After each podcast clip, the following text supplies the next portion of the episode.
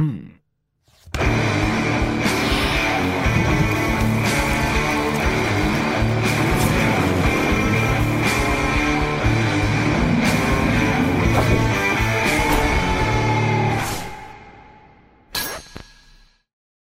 Zdravo svima, dobrodošli u još jedan Agelast podcast. Veliko mi je zadovoljstvo da vam predstavim današnju epizodu, ali pre nego što to uradimo, samo da pređemo ovaj servisni deo.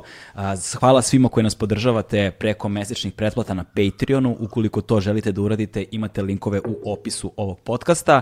Takođe, hvala puno svima koji nas podržavaju jednokratnim uplatama preko Paypala. Takođe, ukoliko želite podržite naš podcast na taj način, to možete da uradite preko linkova koji su takođe u opisu podcasta želim da napomenem samo još jednom da ogroman broj vas koji nas redovno sluša nije pretplaćeno na naš kanal, tako da slobodno lupite to dugme subscribe ukoliko nas gledate preko YouTube-a ili na drugim audio platformama gde, na, gde god da slušate naše epizode. Ovaj, I želimo da se zahvalimo naravno našim a, sponzorima, pre svega želimo da se zahvalimo našim partnerima iz kompanije Volt, u pitanju sajt za kućnu dostavu. I kao što do sada dobro znate, ukoliko ste slušali ove epizode ranije, ukoliko iskoristite promo kod sa nazivom našeg podcasta Agelast, ostvarujete 400 dinara na prvu poručbinu, dakle napravite profil na Voltu, Uh, iskoristite promo kod Agilast i ostvarite 400 dinara na prvu poročbinu i želim naravno da se zahvalim našim dragim dugoročnim partnerima i prijateljima iz kompanije Red Bull. Hvala vam puno na saradnji i uh, pomoći koju nam pružate sve ovo vreme i to bi bilo to. A, naša današnja gošća je divna i draga um, istoričarka Dubrovka Stojanović. A, malo o njoj pre nego što počnemo razgovor. Ona je magistrirala 1992. godine sa temom Srpska socijaldemokratska partija ratni program Srbije od 1912. do 1918. Doktorirala je 2001. godine na evropskom demokratskim uzorima kod srpske političke intelektualne elite od 1903. do 1914. na Filozofskom fakultetu u Beogradu. Od 88. do 96. godine je radila na Institutu za noviju istoriju Srbije, pa prešla na odeljenje za istoriju Filozofskog fakulteta u Beogradu, gde 2008. godine postaje vanredna, a 2016. godine redovna profesorka na katedri za opštu savremenu istoriju. U saradnji sa Centrom za antiratne akcije 93. godine, radi na projektu analize učbenika, sa Milanom Ristovićem piše i uređuje školske dodatne nastavne materijale detinstva u prošlosti, nastale u saradnji istoričara svih zemalja Balkana, koji su objavljeni na 11 jezika regiona kao potpredsednica Komiteta za edukaciju Centra za demokratiju i pomirenje u jugoistočnoj Evropi i Soluna, urednica srpskog izdanja šest istorijskih čitanki za srednje škole, dobitnica je brojnih odlikovanja, ima brojne publikacije koje ćemo možda pomenuti u toku razgovora, ukoliko bude bilo važno, postavit ću takođe linkove za te publikacije u opisu ovog videa i to bi bilo to. Možemo da počnemo sa našim razgovorom. Dubrovka, zdravo. Ćao, ćao. Drago mi je Drago mi je ovaj, da si naša gošća, odnosno moja gošća i hvala ti puno što si izdvojila vreme za razgovor koji nas čeka. Uživam, presrećna sam, hvala tebi. ovaj, kako bih počeo ovaj razgovor, pre svega, pre svega relativno skoro pozvali ste me da učestvujem u okviru, u okviru um, vašeg programa Krokodila, koji, uh, sad sam zaborio tačno nošenje naziva, ali recimo, ali nešto, ne, nešto na temu ko je prvi počeo ovaj, gde, ste, gde se vi zapravo bavite istorijskim revizionizmom. Mm -hmm. I sad tu da naglasimo, nije revizija istorije, istorija je uvek podložna reviziji, nego istorijski revizionizam, što je nešto sasvim drugačije, ali pričat ćemo o tome, to će nam biti zapravo okosnica celokupnog ovog razgovora. I sećam se davno, davno, davno, uh, pre nekih možda 15 godina kada sam se prvi put susreo sa tvojim likom i delom, slušao sam neko tvoje predavanje, kada sam prvi put zapravo čuo kako se stvari savremene naše istorije osvetljavaju iz jednog novog ugla i prvi put sam čuo uh, prvi put sam čuo nešto što nije zapravo kolokvijalni, svakodnevni, populistički način posmatranja istorije, nego nešto što zapravo istoriju posmatra prvenstveno, postavlja prvenstveno kao naučnu disciplinu, što je ona u velikoj meri izgubila u posljednje vreme, ali i koja se na jedan uh, način koji ne možemo da čujemo u, savremen, u, u svakodnevnim medijima obraća ovaj, nečemu što je istorija, istorijske činjenice, istorijski mitovi, demistifikuje, demitologizuje i otvara platformu za dijalog da razgovaramo o istoriji na pravi način. I ono što sam više puta pomenuo i pomenut ću sada kao početak našeg razgovora jeste pravo, pravi mir na prostoru bivše Jugoslavije nastaće onog trenutka kada svi učbenici iz istorije u bivšim republikama budu bili jedinstveni. Ovaj, gde i kako zapravo uh, možemo da počnemo i da otvorimo temu ovog istorijskog revizionizma koji se dešava pa, decenijama unazad? Pa, pff, mislim, taj revizionizam, pre svega, još jednom ti hvala, stvarno, stvarno uživam u ovome, ovo je za mene sad novi medij, baš mi je ono uzbudljivo. E, pa, istorijski revizionizam, mislim, važno je za tvoje e, slušalce koji su i, i mlađi ljudi da shvate da su ratovi u Jugoslaviji napravljeni najvećim delom zahvaljujući E, upravo istorijskom revizionizmu koji je krenuo u Jugoslaviji 80. godina i koji je učinio da se napravi ta psihološka osnova za rat. Prema tome, mi ne govorimo sada uh, kao da li se nešto desilo ovako ili onako, nego govorimo o tome da su to stvari izuzetno opasne i mi smo i dalje u toj fazi gde je ta zloupotreba istorije opasna. Rekao si na početku, revizija, revizionizam. Revizija istorije onda kad istorija kao nauka napreduje, ističe nova saznanja i mi istražujemo u arhivima, čitamo stare dokumente i tako dalje. To je nešto što je naš posao. Ali revizionizam je nešto kada e, zbog političkih potreba sadašnjosti e, prosto manipulišeš, ukratko lažeš, izmisliš podatak, potisneš podatak koji ruši ovaj koji tebi odgovara, dakle praviš jednu vrstu e, medijske ili bilo kakve druge manipulacije da bi postigo određeni e, cilj. I to je kod nas krenulo 80. godina i takođe je važno i za tvoje slušalce, da, gledalce da znaju da se to radi na jako mnogo nivoa. To mi zovemo danas agenti sećanja. Uh, Dakle, to je i književnost. To je kod nas i krenulo kroz književnost, pre svega kroz romane Vuka Draškovića koji su promenili odnos prema e, četnicima i partizanima, onda naravno preko historiografije, preko medija, na sve moguće načine, gde se postepeno 80. godina stvarala jedna negativna slika Jugoslavije, stvarala jedna slika Srba kao njene najveće žrtve – I uopšte ta samo viktimizacija, to proglašavanje sebe kao najveće žrtve istorije jedan mm. od osnovnih elemenata tog revizionizma, zato što su ljudi jako na to osetljivi. I recimo velike studije nacija i nacionalizma su pokazale da je za homogenizaciju nacije mnogo su važniji porazi i žrtve nego pobede i heroji. I to je recimo nešto što sam ja za sve ove godine naučila i što mi je bilo novo. A počelo je tako što su me ljudi na stranim konferencijama istoričara ili uopšte pitali pa kao šta nije u redu s vama Srbima, kao zašto vi slavite Kosovsku bitku koja je jedan mega poraz, kao, kao da li ste da. vi patološki narod.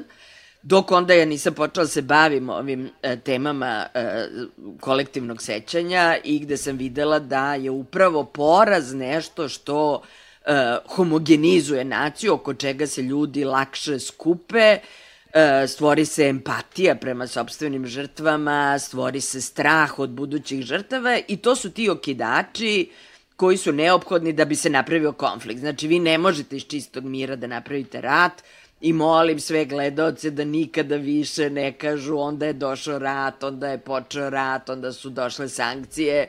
Dakle, ništa nije došlo tako neutralno. E, sve je neko odlučio da će da se desi, finansirao, organizovao, medijski pripremio i tu je, nažalost, moja nauka odigrala ogromnu ulogu upravo u toj psihološkoj pripremi za jugoslovenske ratove, jer nije bilo lako doći do toga da se komšije uh, e, međusobno pobiju, stave u logore i na kraju bace u masovne grobnice. Prema tome, to treba nekako napraviti. Istorija nažalost, tu bila ključna. To je ono gde, što smo malo prepomenuli, uh, da istorija mora da bude naučna, ona jeste naučna disciplina, mora da bude naučna disciplina i da ostane naučna disciplina i da se primenjuju metode svojstvene naučnim disciplinama. Dakle, mora postoji određena metodologija rada, mora da postoje određeni etički principi i tako dalje, koji su zapravo zanemareni i kroz neke forme populizma ovaj, postavile teren na kojem se kasnije dešavalo sve o čemu ti govoriš. S jedne strane, e, malo pre si pomenula zapravo da je kroz književnost prvi put zapravo imamo tu menjanje slike Četnika i Partizana, rekla se kroz romane Vuka Draškovića, ja pretpostavljam da je zapravo prvi put da smo afirmativno videli Četnike u romanu Nož Vuka Draškovića, koji je izašao od 83. Tako, tako nešto, kada? Tako je, tako je bilo. Ovaj, ali da bismo mogli da počnemo ovu priču, ona zapravo ne počinje tako, ona ne počinje tako, tako, tako bliskoj prošlosti. Prošlost, nje, se, ovaj, sve stvari su kauzaliteti, uzročno poslični odnosi su jako komplikovane stvari, počinje dosta davno. O, jednom prilikom se sećam da, da se pričalo o tome i da, da, da baš si ti pominjala, kaže, kada bi vanzemaljac pao sa ovaj, sada, sada ovako onako neko s neba, neki stranac kada bi pao samo u, u Srbiju i kada bi otvorio dnevnu štampu, šta bi ta, taj vanzemaljac mogao da zaključi? Mogao bi da zaključi da drugi svetski rat i dalje traje, ovaj, da je pobednik neizvestan i što je najgore od svega da mi nismo sigurni ko nam je neprijatelj, ako, ako, ako ovaj, a sa kime sarađujemo, ko kolaborator, da li su nam neprijatelji četnici ili su nam neprijatelji partizani, ko nam je tu zapravo neprijatelj. I ta pitanja su, nažalost, ostala otvorena i dan danas i svi potonji sukobi koji su došli zapravo negde su se naslonili upravo na taj diskurs. Ovaj, savremeni možemo da kažemo da je izgrađen na nekom antikomunizmu. Ovaj, ali uh, sve ovo, mislim da mogli bismo da počnemo, dakle, malo pre se ti pomenula pobede, gubitke i tako dalje i onda zapravo se to svodi na to da mi nikada nismo vodili osvajačke ratove, da, da je zapravo to neka um, mantra koja se ponavlja, kao da nikada nismo vodili stvara, ovaj, osvajačke ratove. Pa da, da, e, znači potrebno izgraditi nekoliko tih e, identitetskih floskula mm. da bi se ta nacija osjećala bolje i da bi ona bila spremna za zadatke koji koji joj se nameću e, i recimo tu je bilo nekoliko tih ključnih identitetskih poruka koje su išle i kroz javni govor, ali su išle, nažalost, i kroz udbenike istorije i to ovo što si ti pomenuo. Znači, ja se na svoju veliku žalost od 93. godine bavim udbenicima istorije. Tada su oni prvi put drastično promenjeni, istorija je prilagođena ratu koji je bio u toku i e, ne mogu da ostavim tu temu zato što se udžbenici i dalje menjaju i dalje se menjaju na vrlo drastičan način. I e, jedna od tih poruka koju oni šalju, to je da smo mi narod najveća žrtva, e, to da se razumemo čine i učbenici u drugim zemljama e, nastalim na tlu bivše Jugoslavije, zato naši projekti sada jesu uvek e, regionalni ili jugoslovenski ako hoćeš, upravo da bismo to pokazali svima, svi smo u toj istoj opasnosti. E, druga poruka, to je vrlo važna poruka, ovu koju si pomenuo, e, mi nikad nismo vodili osvajačke ratove. I to je jedna od tih mantri koje se stalno ponavljaju i koje znače mnogo toga. Pre svega znače dani ratovi koje smo vodili 90-ih ili za koje se možda spremamo, opet nisu osvajačke, jer to otprilike nije u našoj duši, mi to kao uopšte ne umemo. I onda sam ja pokazala kako se na nivou rečenice izmanipuliše da đaci ne shvate da je jedan rat bio onako bazično osvajački. Takav je recimo bio rat protiv Bugarske 1885. godine i o, pokazala sam kako se to u tekstu namesti da to đaci ne shvate. Ili recimo... Kako se to namesti? E, izvini, nisam te čula. Kako se, kako se to namesti? Evo kako se namesti. Recimo, još je bolji primer i moj omiljeni primer uh, je uh, politika Srbije prema Severnoj Albaniji, zato što je osvajanje Severne Albanije, izlazak na Jadransko more, bio ono javni državni ratni cilj u Balkanskim ratovima 1912. i 13. To je pisalo u svim novinama. Koje god novine da uzmeš iz tog perioda, svi govore, izlazimo na Jadransko more preko Severne Albanije, završeno ti je to što bi se reklo.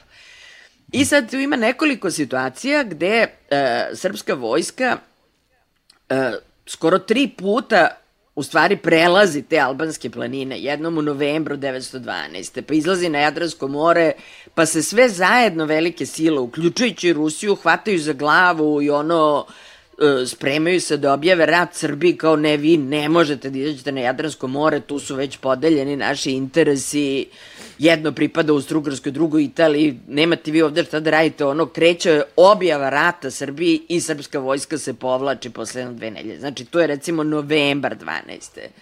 februaru 13. godine srpska vojska u pokušaju da pomogne crnogorcima kod Skadra ponovo prelazi e, prokletije i ponovo izlazi na Jadransko more, opet imamo jednu međunarodnu krizu i srpska vojska mora da se vrati nazad. Još je jedna situacija takva bila u septembru 13. Znači oni tri puta u izuzetno teškim ratnim uslovi, zimskim uslovima i ratnim uslovima prelaze te planine da bi osvojili Jadran, što je vrlo jasno rečeno da to nije predviđeno i neće se desiti i moraju da se vrate posle nedelju dana. Znači, to su, ja bi samo tu scenu predavala godinu dana đacima u školi kad bi me neko pitao šta bi predavala, zato što to sve pokazuje o toj našoj spoljnoj politici. Znači, vi uporno idete glavom kroz zid, svi vam kažu, ej, ne može bre, vrati se, nisi, nisi ovde viđen, nećeš osvojiti Jadra, ne, ne, idemo mi opet. E, e sad tu imaš jednu rečenicu i ono što mi je zanimljivo, sad sam to radila, proučavala sam učbenike 100 godina, od, od, od prvih učbenika iz 1913. do onih danas. Svi imaju istu vrstu laži koja se nalazi u toj jednoj rečenici. Kaže, I onda je, kaže, srpska vojska krenula da pomogne braći crnogorcima kod Skadra i ta akcija je uspešno završena izlaskom na Jadransko more. Znači, od tri situacije izabrao si jednu koja je bila relativno uspešna, ali nisi ti to išao da osvajaš, nego da pomogneš crnogorcima koji se nešto nisu snašli, pa da, ti da. ćeš sad kao stariji brat to bolje da uradiš. I ništa nema o tome da je, su sve velike sile rekle iš odatle, vraćaj se, da si ti pogubio živote ljudi, da je to bila drama. Nema ničeg od te drame. Znači ti si stavio jednu rečenicu i ti nju ponavljaš tako sto godina. E, to je recimo način da ti ne kažeš da si više puta vodio osvajačke ratove, što je što nije nikakva sramota. Mislim, to je prosto tvoja prošlost i da vidimo kako se to završilo, koliko je to koštalo, koliko je ljudskih života izgubljeno, da li je to se isplatilo, šta si ti hteo, šta si postigo, šta si izgubio. Znači, e, za mene je taj kritički pristup istoriji nešto što je izuzetno važno da bismo mi živeli neku normalnu sadašnjost u kojoj vidiš sve probleme oko sebe ili ćeš nastaviti da pričaš da nema korone, da niko nije umro i da je sve odlično. Da, e, izvini, molim te, možeš samo da približiš mikrofon sebi još, Aha. ovaj, još, još, još, još. Mogu ja i da se der, mislim, to, to, da, ne, ne, ne, ne, ne, to mi je ne treba, samo ti, samo ti približi mikrofon, to, e, ovaj, da nam zvuk, da nam zvuk naravno bude što bolji. Ovaj, ta relativizacija je uh, ogroman problem i to je nešto što viđamo svakodnevno uh, danas i, i, i uvek se mi, mi, mi se u medijima uvek kolokvijalno šalimo, ovaj, nije problem sa onima koji lažu, nego sa onima koji barataju poluistinama zato što svoje laže čine vrlo verovatnim. I ukoliko si dovoljno dobar izvešten, a oni svakako vežbaju i imaju svoje trenere koji se bave njihovim javnim nastupima, stiče se slika u javnosti koju je vrlo teško argumentovati, osim ukoliko slušalac nema beskreno veliko strpljenje i slobodno vreme da može da te i kapacitete da razume sve te nijanse koje zapravo čine kumulativnu jednu sasvim drugačiju sliku. Ovaj, u vezi sa time i ovaj, sa ovime što se pomenula, čisto da napomenu našim slušalacima da ćemo verovatno ići hronološki, linearno, dakle, kroz ovu priču, ovaj, da mi nismo nikada vodili osvajačke ratove, e, ide i to da smo mi zapravo uvek bili na pobedničkoj strani. Da je uvek postalo to važno zagrevanje za rat, to obećanje da se ne može izgubiti, koje se povezuje onda kasnije i sa tim zlatnim dobom demokratije, pod znacima navoda. Da, to je, to je takođe vrlo važna mantra i ona je bila jako prisutna uh, upravo tih 80. godina, kada se pripremao rat, jer je naravno jasno da stalno morate da pumpate tu ideju da si uvek bio na pobedničkoj strani, jer na taj način nekako garantuješ da će i rat koji se upravo sprema takođe biti pobednički i da niko ne treba ništa da se brine, to je otprilike nama genetski upisano, e, takva nam da. je sudbina, jer mi upravo istoriju najčešće i tumačimo kao neku vrstu determinante, neke vrste sudbine, pa kao to bilo je tada i bit će tako za uvek. Tako da sam isto recimo analizirala e, kako se piše o porazima, kako se piše o pobedama, e, pobede se uglavnom e, i ne objašnjavaju jer one se mhm. podrazumevaju, a porazi se vrlo detaljno e, opisuju, detaljno objašnjavaju. I evo, recimo, možemo da uzemo jedan primer.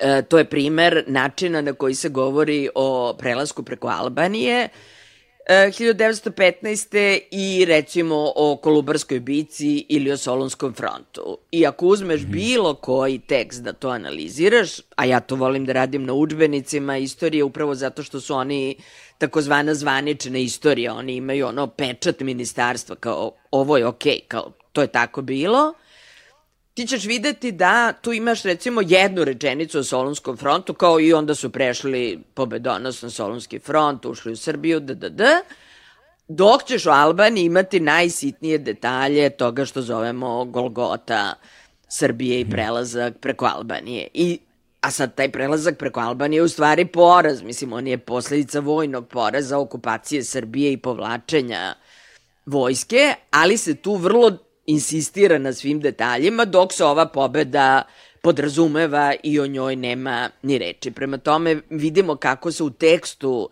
e, time manipuliše i kako, kako se u stvari od toga pravi e, opra, pravi jedan, jedan od tih e, važnih e, mitova koji onda dodaju nacionalnu samosvest e, i, i, i bo, bo, onako bodrete da. i za budući rat. I tu, je, tu se zapravo stvara takozvani uh, utisak večne moralne ispravnosti, u suštini. Ovaj, uh, uh, kada govorimo o zlatnom dobu demokratije, to, pretpo, kak, ka, to, to mi ti rekla da je to mit koji nemogućava da vidimo probleme s demokratijom i pre svega političkom kulturom. Na šta, na, šta, na šta misliš kada to kažeš? E, pa evo, radi se o tom periodu 903. 14. godina koje je ostalo zapamćeno kao to doba Čikapere, kralja Petra mm -hmm. e, i zapamćeno kao to zlatno doba demokratije. I ti koju god knjigu da otvoriš, e, bit će ta ocena i čak se ide i dalje. Srbija je tad bila istako Francuska, Srbija je išla rame uz rame uz najrazvijenije e, demokratske države Evrope i tako dalje i tako dalje.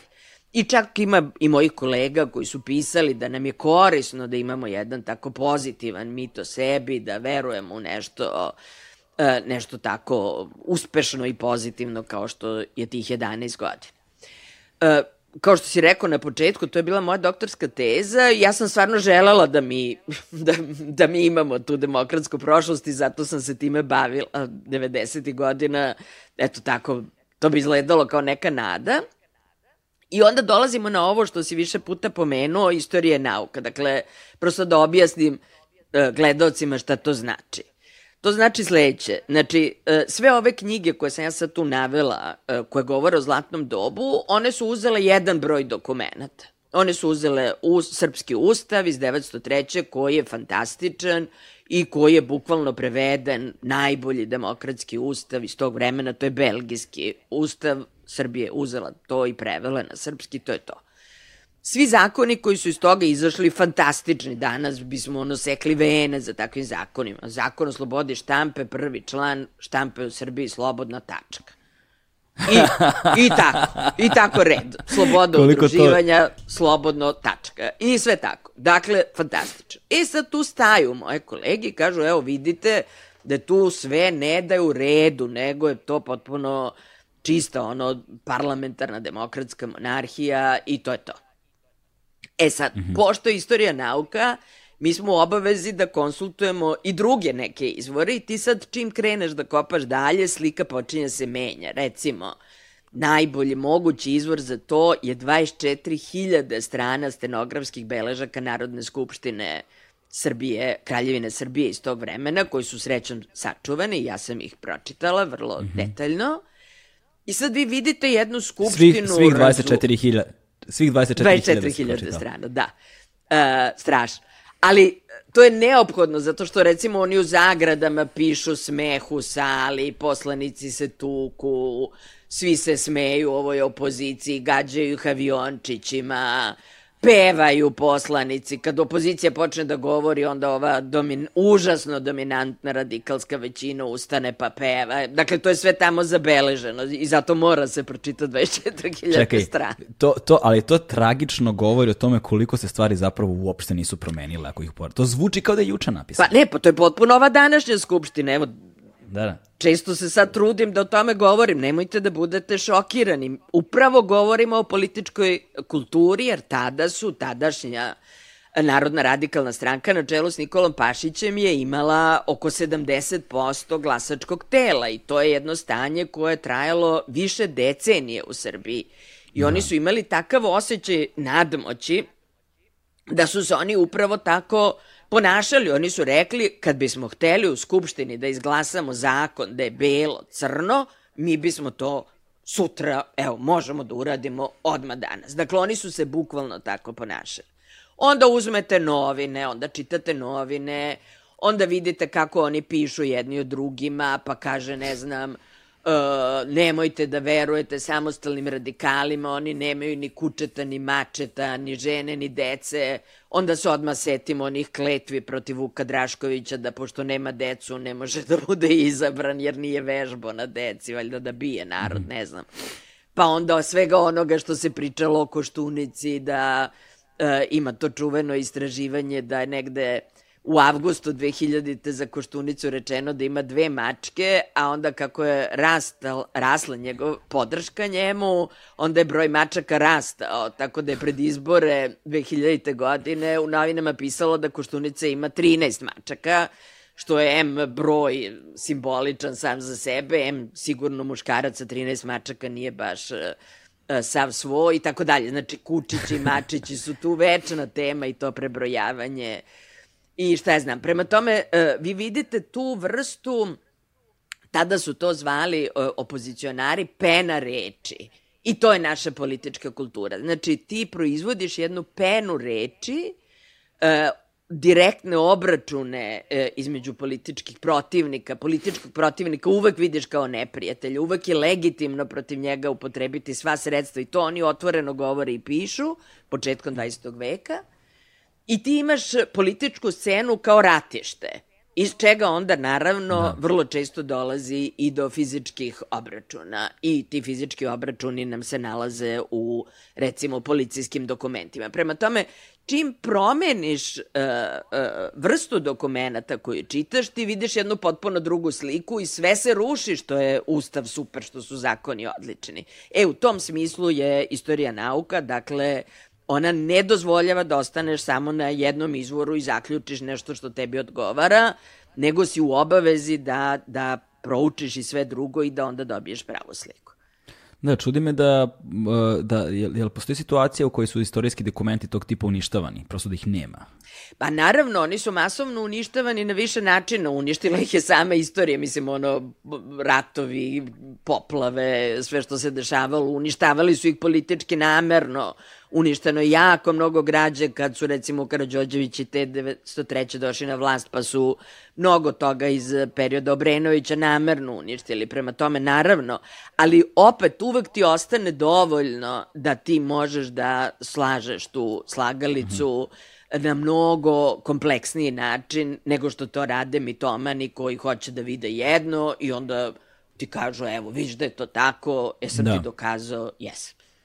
Jedna stvar koju sam primetio da je zajednička mitomanima i ovima još ekstremnijim koji veruju teorije zavere, jeste da postoji jedna simplifikacija ovaj, istorije i da postoji simplifikacija svakodnevnog života uopšte, a život je zapravo mnogo, mnogo kompleksniji da bi bio objašnjen jednostavnim teorijama zavere ili da bi bio ovaj, objašnjen stranama koje su podeljene na crno i belo, gde uvek postoji jedna ispravna i uvek postoji jedna zla.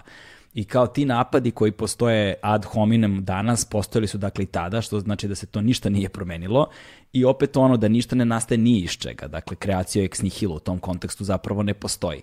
I ona nas vodi, na, ona nas vodi onda u, u, u kontekst takozvanog prvog svjetskog rata, ovaj, jer njime se konstantno bavimo i dan danas. Bilo je ono čuveno kada je Toma Nikolić pisao referat na 15 strana koji je objavljen na prvoj i drugoj strani politi politike koji se bavio zapravo ovaj, prvim svetskim ratom 2014. godine i, i, i, da je, i da, da postoji ta priča da je zapravo prvi svetski rat izgubljen jer je stvorena Jugoslavija, ovaj, da, se, da mi se čini da dolazimo do nekakvih potpunih zamena teza s jedne strane, kako je to vezi ima jedno s drugim, s jedne strane i s druge strane kako smo ga izgubili uopšte, znaš. Ako bi mogla da ovaj, ra, raščivijaš te stvari.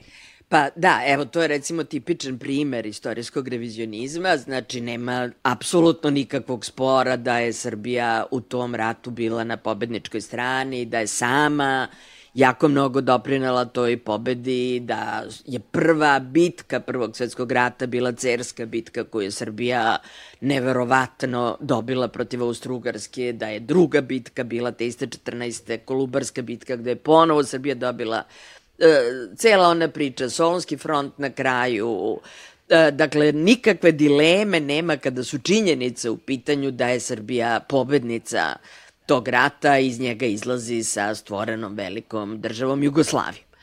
E, Dobrica Ćosić, eto, promašila sam da te revizionizme počnem u stvari od, od romana Dobrice Ćosića i to od romana Vreme smrti iz 1972. godine. Tada u stvari kreće taj, e, taj revizionizam, ali opet iz književnosti, što je važno. Uh, dakle, tada izlazi roman Dobrice Ćosića i on menja taj odnos prema Prvom svetskom ratu, on e, u stvari želi da ruši Jugoslaviju i on polazi od toga da je Prvi svetski rat e, poraz Srbije zbog tih ogromnih žrtava, ali ne brinu njega naravno ljudi, njega brine cilj, njega brine što je e, iz tog rata stvorena Jugoslavija. I od tog trenutka do njegovog čuvenog političkog testamenta pred smrt koji je objavljen i razgrabljen u milionskom tiražu e, pred smrt Dobrice Ćosića, on uporno ponavlja da je Prvi svetski rat poraz, jer je naravno stvorena Jugoslavija koja je po njegovom mišljenju bila e, ono već tamnica naroda ili kako to sve ide kod njega. Mm -hmm. Prema tome, to, to je tipičan primer revizionizma i ja verujem kad bi se danas napravilo neko istraživanje javnog mnjenja da, da bi ljudi bili, ako ništa drugo, već vrlo zbunjeni uh, da li ocenjuju Prvi svetski rat kao pobedu ili kao poraz i uh, evo samo još da, da pomenem, mm. uh, ti si pomenuo na početku taj projekat Krokodila ko je prvi počeo istoričari protiv revizionizma, to je bio regionalni projekat, cela, cela Jugoslavija u njemu učestvovala i mi smo na kraju izdali jednu deklaraciju, evo pozivam i ovaj put da uh, slušalci potpišu tu deklaraciju na sajtu Krokodila, koja se zove Odbranimo istoriju. I ove tačke kroz koje mi sada idemo i ti me vodiš u ovom razgovoru su upravo opisane u deklaraciji mm -hmm. Odbranimo istoriju, Uh, upravo se tu uh, poziva uh, da, da, da se odupremo tim uh, poluistinama, polulažima i mitovima, Zato što su oni izuzetno opasni za našu sadašnjost. Dakle, mi tumaramo u našoj sadašnjosti upravo jer su nas sistematski sluđivali pričama o prošlosti i zato smo se mi konačno pobunili udružili da. i evo nas u borbi neprestane. Ovaj, dakle, pre, pre nego što nastavimo dalje da pomenem svima koji slušaju i gledaju, dakle, ukoliko vas zanima da pročitate deklaraciju o kojoj uh, Dubrovka govori, stavit ću je link za nju u opis ovog podcasta, Super, tako da hvala. ne morate da tražite, nego odmah ćete tu naći, bit će vam znači, samo jedan klik daleko da možete da pročitati o čemu se zapravo radi. Ovaj, mnogi mitovi koji su građeni, ovaj, građeni su, jel te, sa vrlo jasnim svrhama, dakle, tendenciozno, Ovaj, ali mi je zanimljivo kako se oni primaju u narodu. To je ono zbog čega je istorija užasno teška za, za, i za branjenje i za otvaranje platforme za dijalog kada je istorija u pitanju, jer mislim da se ni oko čega ne sporimo toliko koliko se sporimo oko istorije. I da zapravo je, istorija je najteže za nju da ostane dosledna svojoj metodologiji kao naučna grana, zato što su emocije nužno i identiteti nužno isprepletani. Jer bez istorije nema identiteta, bez identiteta nema ničeg drugog. Iako je identitet kao takav jedna nematerijalna, artificijalna kategorija u kojoj ne možeš da mi izvodiš krvi, da mi utvrdiš nacionalnost, one su ipak ključne da bismo mogli da razumemo sebe, svet oko sebe, da bismo se identifikovali, da bismo pripadali i da bi ovaj da bismo stvorili nekakav smisao celokupnog života koji živimo, živote koji živimo. I, i istorija je zapravo ta neka hronologija jednog kolektivnog kroz vreme. Znači, na, mi jesmo u ovoj tački u vremenu, ali mi pripadamo i toj prošlosti iz koje zapravo dolazimo. I treba da je razumemo. I zato je užasno, zato je, zato je užasno teško. I kada govorimo o tim populističkim ovaj, mitovima, zanimljivo mi je pomenula si skoro o Majoru Iliću. De, gde zapravo tu nastaje problem? E, da, o Major Gavriloviću, to je recimo jedan od tih e, mitova koji su, e, evo baš sad radim na tome da utvrdim kada je, kada je ta priča ušla u, u javnu upotrebu. Nisam još sasvim sigurna, ali nešto, 90-ih je tu već sasvim stabilno, ali možda je već negde 80-ih se pojavljuje ta priča o Majoru Gavriloviću, imate i taj spomenik e, dole ispod Nebojšine kule na, na ušću, e, gde piše Gavrilović, taj tekst. Što sam ja rekao? Sam ja rekao Iliću? Iliću. Ja sam nešto pobrkao. Da, da, Gavriloviću, izvinjavam se. Ne, ništa, da, Majoru Gavriloviću da. i uh, tu je, radi se o odbrani Beograda 1915. godine gde kao major Gavrilović kaže svom puku, vrhovna komanda nas je izbrisala iz redovnog e, sastava, drugim rečima kao računa se da smo mi otpisani i već smo mrtvi, prema tome nemate s čime da kalkulišete, junaci, heroji, ajmo u smrt. E, I sad, to je pre svega nešto što se veliča u svim učbenicima, uključujući 90. godina i one učbenike za poznavanje prirode i društva namenjene deci od 8 godina. Dakle, vama odmah stave taj čip da je sasvim u redu, da se uopšte ne pitate, nego da treba odmah da date život domovini, otačbini, čim ona namigne eventualno. Dakle, taj poziv da je da je, da je smrt uh, vrhunska vrednost, to je nešto što je ovde vrlo jako od epske poezije pa do gore pomenutog Dobrice Ćosića, a evo i ovo govora Majora Gavrilovića. Uh, E, znači, pod jedan, e, e, naravno da Puk nije bio izbrisan i istoričari su proverili, nijedna vrhovna komanda ne bi izbrisala svoje ljude na taj način, prema tome to nije tačno. Ne znamo da je tačno da je on to uopšte ikada rekao, zato što on lično to više nikada nije ponovio i rekao ovo sam rekao. Prema tome mi nemamo to ni iz usta njegovih svedoka, ni iz njegovih sobstvenih. I ono što je najvažnije za taj mit, Major Gavrilović je umro od, u dubokoj starosti od prirodne smrti posle drugog svetskog rata. Prema tome, on sam, iako je pozvao vojnike, onda je tek on njih žrtvovao u stvari tim pozivom, a sam je mirno to preživeo i živeo još 30 e, godina. Prema tome, eto, vidimo taj jedan primer. Ili sad si me podsjetio, govoreći ovo o identitetu, moram, e, nečak sam se setila, mi smo pre 10 godina za Beogradski centar za ljudska prava radili naj, možda najbolji projekat u mom životu, to je upravo smo imali novca da uradimo ispitivanje e, šta takozvani Srbi misle o istoriji. Zahvaljujući strategic marketingu urađeno je to e, na, mhm. u svim propisima ispitivanja javnog mnjenja I moje koleginice i ja napravili smo jedan upitnik od 100 pitanja uh, za koje smatramo da su bazična identitetska pitanja. To je projekat koji se, uh, objavljena je knjiga koja se zove Novosti iz prošlosti i možete ih naći mm -hmm. na mhm. sajtu Beogradskog centra za ljudska prava, uključujući taj upitnik i te odgovore i sve grafikone. I sad kako to funkcioniše, ovo što si ti pomenuo? Jedno od pitanja koje smo tamo stavili uh, je ko su bili saveznici srpske vojske na Solonskom frontu. Mm -hmm. Stavili smo Francuska i Velika Britanija, stavili smo Grčka i Rusija i stavili smo, uh, sami smo bili na Solonskom frontu, sami smo ga probili. Uh, sad, pošto se nisam spremila za, za, za ovo pitanje, ne znam tačno procente, ali ono što je poenta, to je da je najmanji procenat E, dat e, Francuskoj i Velikoj Britaniji, koje su realno bile na Solonskom frontu, najveći procenat Rusiji i Grčkoj i odmah na mesto broj 2 da smo bili sami. E, to je recimo tipičan primer. Znači, nema školskog nivoa gde se nije učilo da je na Solonskom frontu bila pre svega Francuska.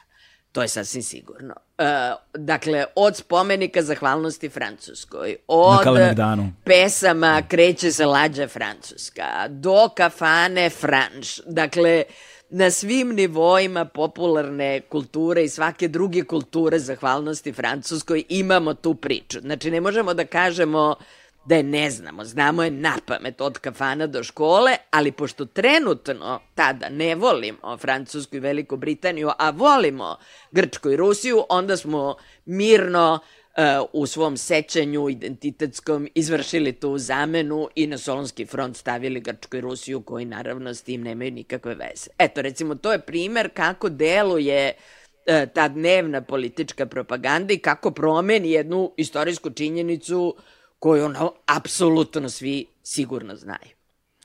Da, ovaj, to pokazuje ne samo koliko je sećanje kvarljiva roba, nego i koliko je zapravo lako manipulisati sećanjem.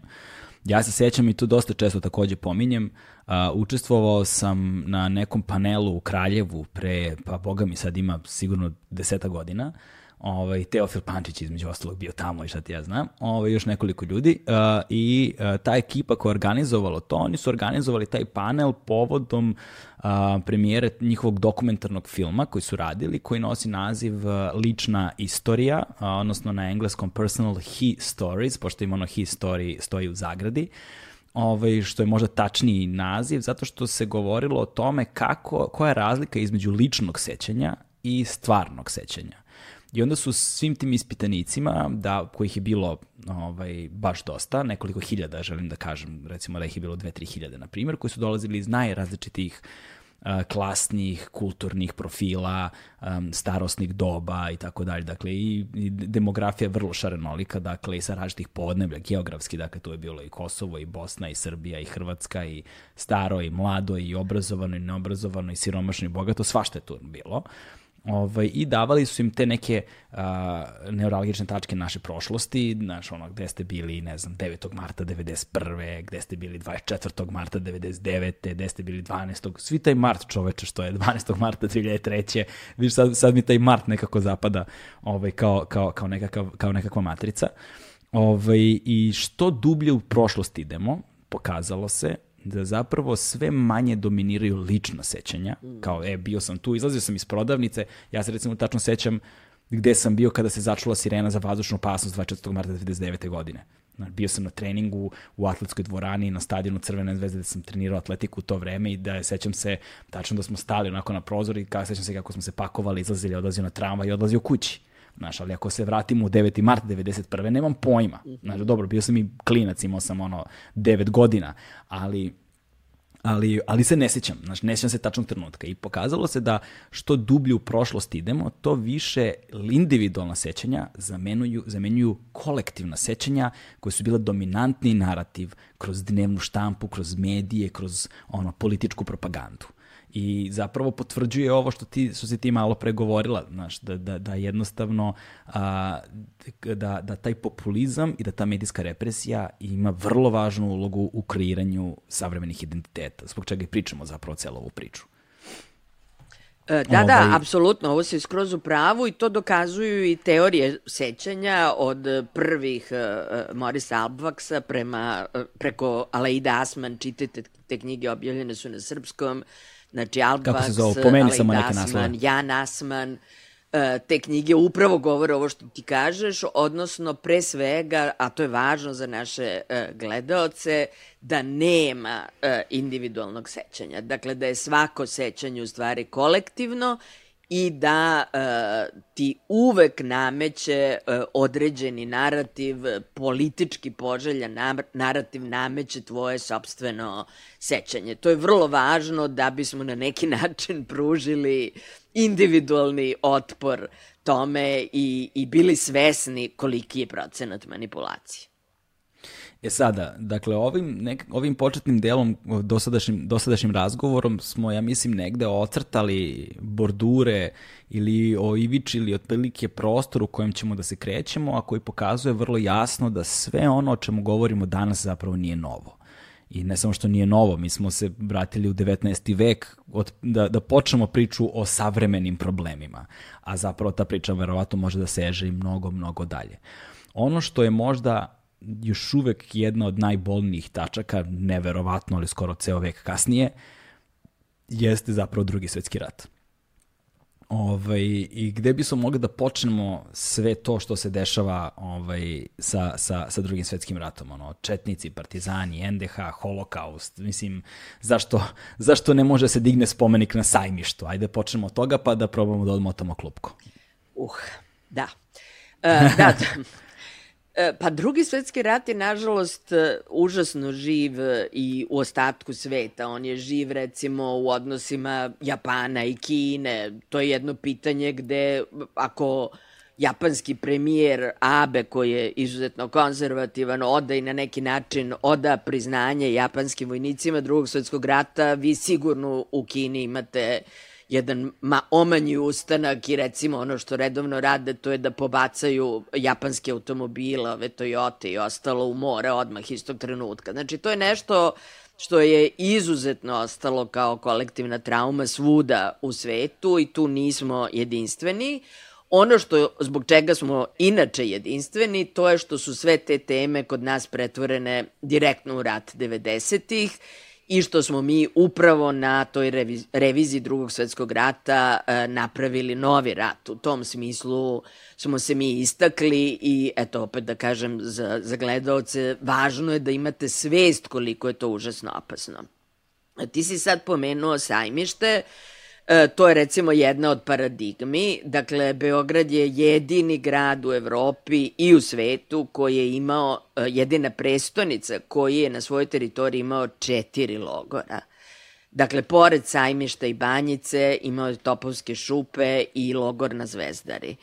E, prema tome, četiri logora su bila na teritoriji Beograda, sajmište je sasvim sigurno bilo najveće, računa se da je možda i oko 90.000 ljudi prošlo e, kroz sajmište, što oni koji su kasnije odvedeni u Jajince na, na e, egzekuciju, što oni koji su stavljeni u te e, dušegupke, to su bili ti specijalni kamioni u kojima, koji su se da, po, da to podvučem posebno vozili kroz Beograd i svi su znali da su u tim kamionima e, voze zarobljeni ljudi koji se na licu mesta truju ugljen monoksidom, dakle to su duše gubke, ili su odatle transportovani dalje u logore po, e, po Evropi. E, znači, mi imamo takvo jedno mesto, tako reći u centru grada, e, i nemamo, nemamo još uvek konsenzus kako bismo ga obeležili. Tu su se mnoge komisije napravile, bilo je vrlo dobrih predloga, ali uvek se rasformira komisija, stvori se nova, ona poništi sve što je komisija prethodno uradila i mi, kao što znamo, e, svedočimo danas bujanju teniskih ovih balona, noćnih klubova, na mestu gde je bio taj jedan od najstrašnijih logora u, u Evropi. E, o čemu se tu radi? Pa tu se radi pre svega o tome što žrtve holokausta, koje su, e, žrtve tog logora su u najvećem procentu bili jevreji, dakle radi, radilo bi se o spomeniku holokaustu, a mi nismo dozvolili nikada da jevreji budu ravnopravne žrtve našim, da kažem, srpskim žrtvama u drugom svetskom ratu. I e, ja sam radila jedno istraživanje koje je pokazalo kako se menjao uh, uh, odnos ko je najveća žrtva i ko je najveći zločinac u tom ratu. I ako smo recimo u vreme socijalizma kao najveće žrtve imali partizane, borce, dakle, to je vrlo bitno, ne civile nego borce, a najveće uh, zločinci su bili naravno okupacione jedinice, pre svega nemačke, italijanske i drugih okupacionih snaga – Onda smo se ovih 80-ih koji smo pomenuli prebacili i počeli da menjamo ovaj diskurs o, o partizanima i tu ubacili četnike kao antifašiste, što je istorijski netačno, jer su od jeseni 45. četnici bili u kolaboraciji s Nemcima, ali dakle oni se već tu pojavljuju kao jedna nova snaga. Krajem 80-ih stvar se prebacuje potpuno u NDH, najveće žrtve apsolutno postaju Srbi u NDH, a najveći počinioci, najveći zločinci postaju Ustaše, da bi se posle 2000-te, kad doživljavamo novu veliki re, e, talas revizionizma, posle pada Miloševića i dolaska demokratskih snaga, ponovo promenili odnosi, sada najveće žrtve postaju žrtve one partizanske žrtve iz 44. 45. Dakle, oni ljudi koje su partizani posle oslobođenja streljali, dakle, najveće žrtve postaju, dakle, Srbi, civili u Srbiji, a najveći e, zločinci, najveći počinioci postaju partizani, upravo da bi se u potpunosti promenio taj narativ i da bismo iz onoga što kaže Todor Kuljić, da bismo iz antikomunizma došli do anti-antifašizma. Evo, evo, ovde sam ukratko, možda to sve nije jasno, uputit ću na moj taj tekst da biste videli o čemu se radi, ali evo, pokazala sam kako se tri puta su se u samo uh, dve decenije promenila mesta najvećih žrtava i najvećih zločinaca. I kao što vidimo iz ove priče, tu nema mesta za jevreje i tu nema mesta za bilo koga drugog. Dakle, najveće žrtve moramo biti mi, ali smo mi različiti. Od partizanskih boraca preko Srba u Hrvatskoj do uh, građana streljanih 44. 45. I samim tim bilo koja konkurencija je uh, neprihvatljiva. A moram da kažem da je Beograd i da ponovim po hiljaditi put da je Beograd početkom 42. godine, znači svega posle nekoliko meseci okupacije bio proglašen gradom Juden Fraj i to prvi grad u Evropi koji je proglašen gradom bez jevreja. Dakle, E, ne samo što je ubijeno oko 90% beogradskih jevreja, već što je to učinjeno u vrlo kratkom vremenu na istom sajmištu. I mi nemamo kao društvo snage da se s tim suočimo i da na sajmištu napravimo memorialni centar. Eto, to je nešto uh, jedan od problema sa suočavanjem sa drugim svetskim ratom koji mi nismo još uvek uspeli da obavimo. Da, na sajmištu ono tamo, ovaj, je li ta zgrada zapravo bila zgrada SS-a ili šta je bila ta zgrada i, i tačno ispod Brankovog mostova prva građevina?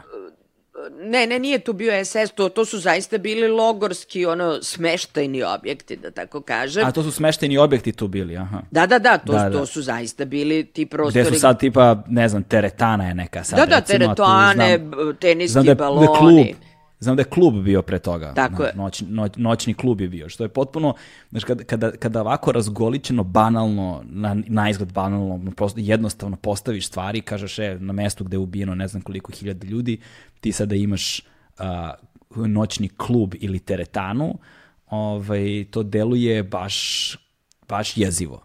Znaš, deluje, deluje baš jezivo i na, činjenica da mi nemamo nikakav odnos prema tome. Znači, sada, sada je problem kako je moguće da ne, ne, nemamo odnos prema tome kada nas u ovom, nas pod znacima navoda, u ovom trenutku to takozvan, ta, ta, ta, takozvano, nazovimo to opet pod znacima navoda, da jevrejsko pitanje ni na koji način ne ugrožava. A ukoliko sada fokus je promenjen opet na partizane i četnike, nema nikakve veze sa jevrejima. Kako je moguće da ovaj, ne možemo da stvorimo odnos prema tome i da, eto, kažemo sad, barem kada ne postoji nikakvo političko pitanje zašto je to tako, ovaj, ne promenimo stvari.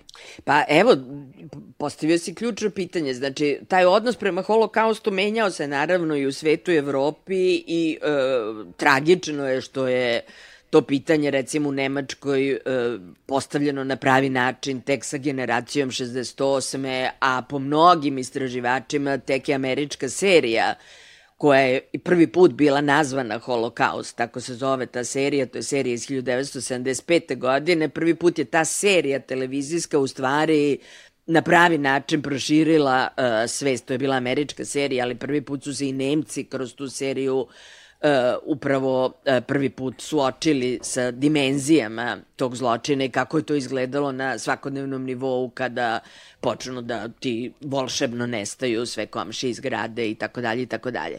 Ali od tih 70-ih se užasno mnogo uradilo u svim evropskim zemljama e, i na planu e, praznika, e, taj ima nekoliko praznika ovaj u novembru kojim se obeležava kristalna noć ima taj praznik, slušajte, ja govorim, te komemoracije mm. su u novembru i u januaru, E, zatim imamo velike spomenike koji su tome podignuti, najpoznatije naravno e, onaj u Berlinu, e, evo upućujem sve gledalce da vide kako izgleda taj spomenik koji zauzima čitav deo Berlina oko, oko Brandenburške kapije E, I dalje se radilo na svim mogućim nivoima, od obrazovanja do filmova, Schindlerove liste, šta dalje govoriti. Dakle, ali sve je to nas mimo išlo. I imala sam nedavno uh, ovaj most Radio Evrope koji radio Amer Karabeg sa mojim kolegom Tvrtkom Jakovinom iz Zagreba. Upravo smo govorili o svemu ovome.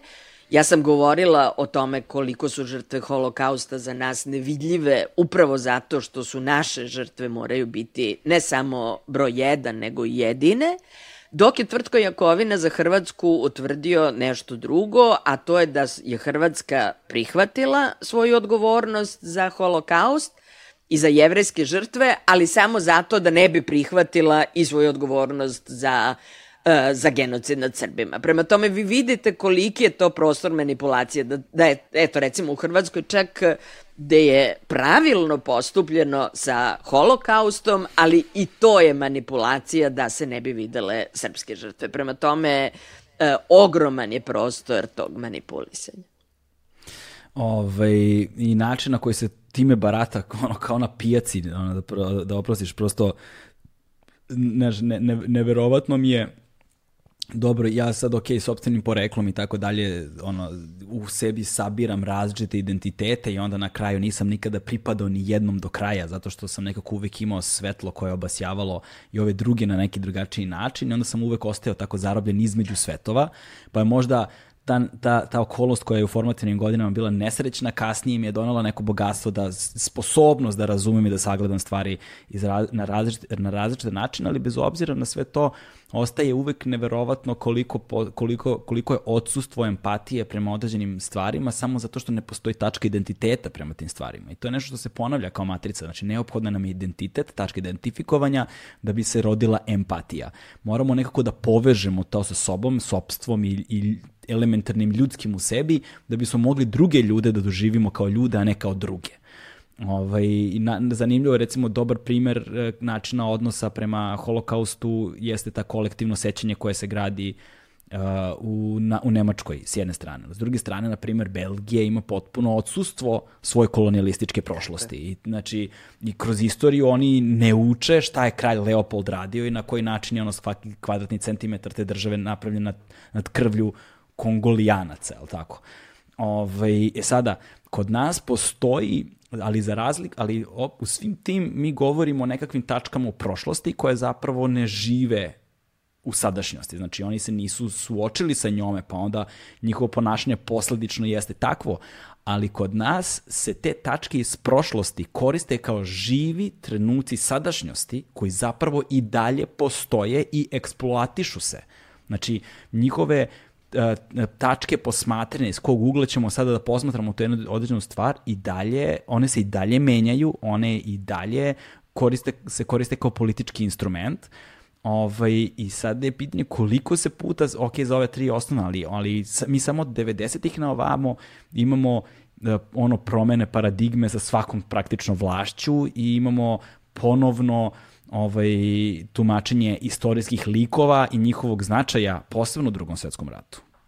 Ma da, evo ti vidiš na svakodnevnom nivou koliko je to uh, emotivno jako i zato se upravo istorija i koristi zato što je ona neka, neka vrsta ono instanta za buđenje emocija. Tu, tu nekako, ako, s pritiskom na to dugme nekako će svi skočiti. Evo imali smo poslednji primer je ovaj diplomatski skandal između Srbije i Crne Gore, gde je zbog tumačenja Podgoričke skupštine iz 1918. godine prvo proteran srpski ambasador, pa onda je iz Beograda proteran crnogorski, pa vraćan i tako dalje. Ali, dakle, te dve zemlje nikada nisu bile u gorim odnosima, e, naravno da su uzroci mnogo dublji, mnogo komplikovaniji, ali iskorištena istorija i to događaj od pre 100 godina koji instant probudi emocije i kaže aha, šta ovaj misli o Podgoričkoj skupštini, šta ovaj misli, gotovo prekidamo diplomatske odnose. Dakle, evo, tu, tu smo pre nedavno videli tu snagu. Da. E, to mogu da budu i događaje iz mnogo starije prošlosti. Evo, mi znamo da kada je Mladićeva vojska kretala na Srebrenicu, imamo te snimke kada i Mladić, a i onaj e, čuveni sveštenik koji blagosilja e, one vojnike, one u paravojnu jedinicu koja otišla i izvršila tamo zločine, Uh, on pominje Turke 500 godina i Kosovsku bitku i pominje idemo u osvetu za Kosovsku bitku, dakle 1389. godinu.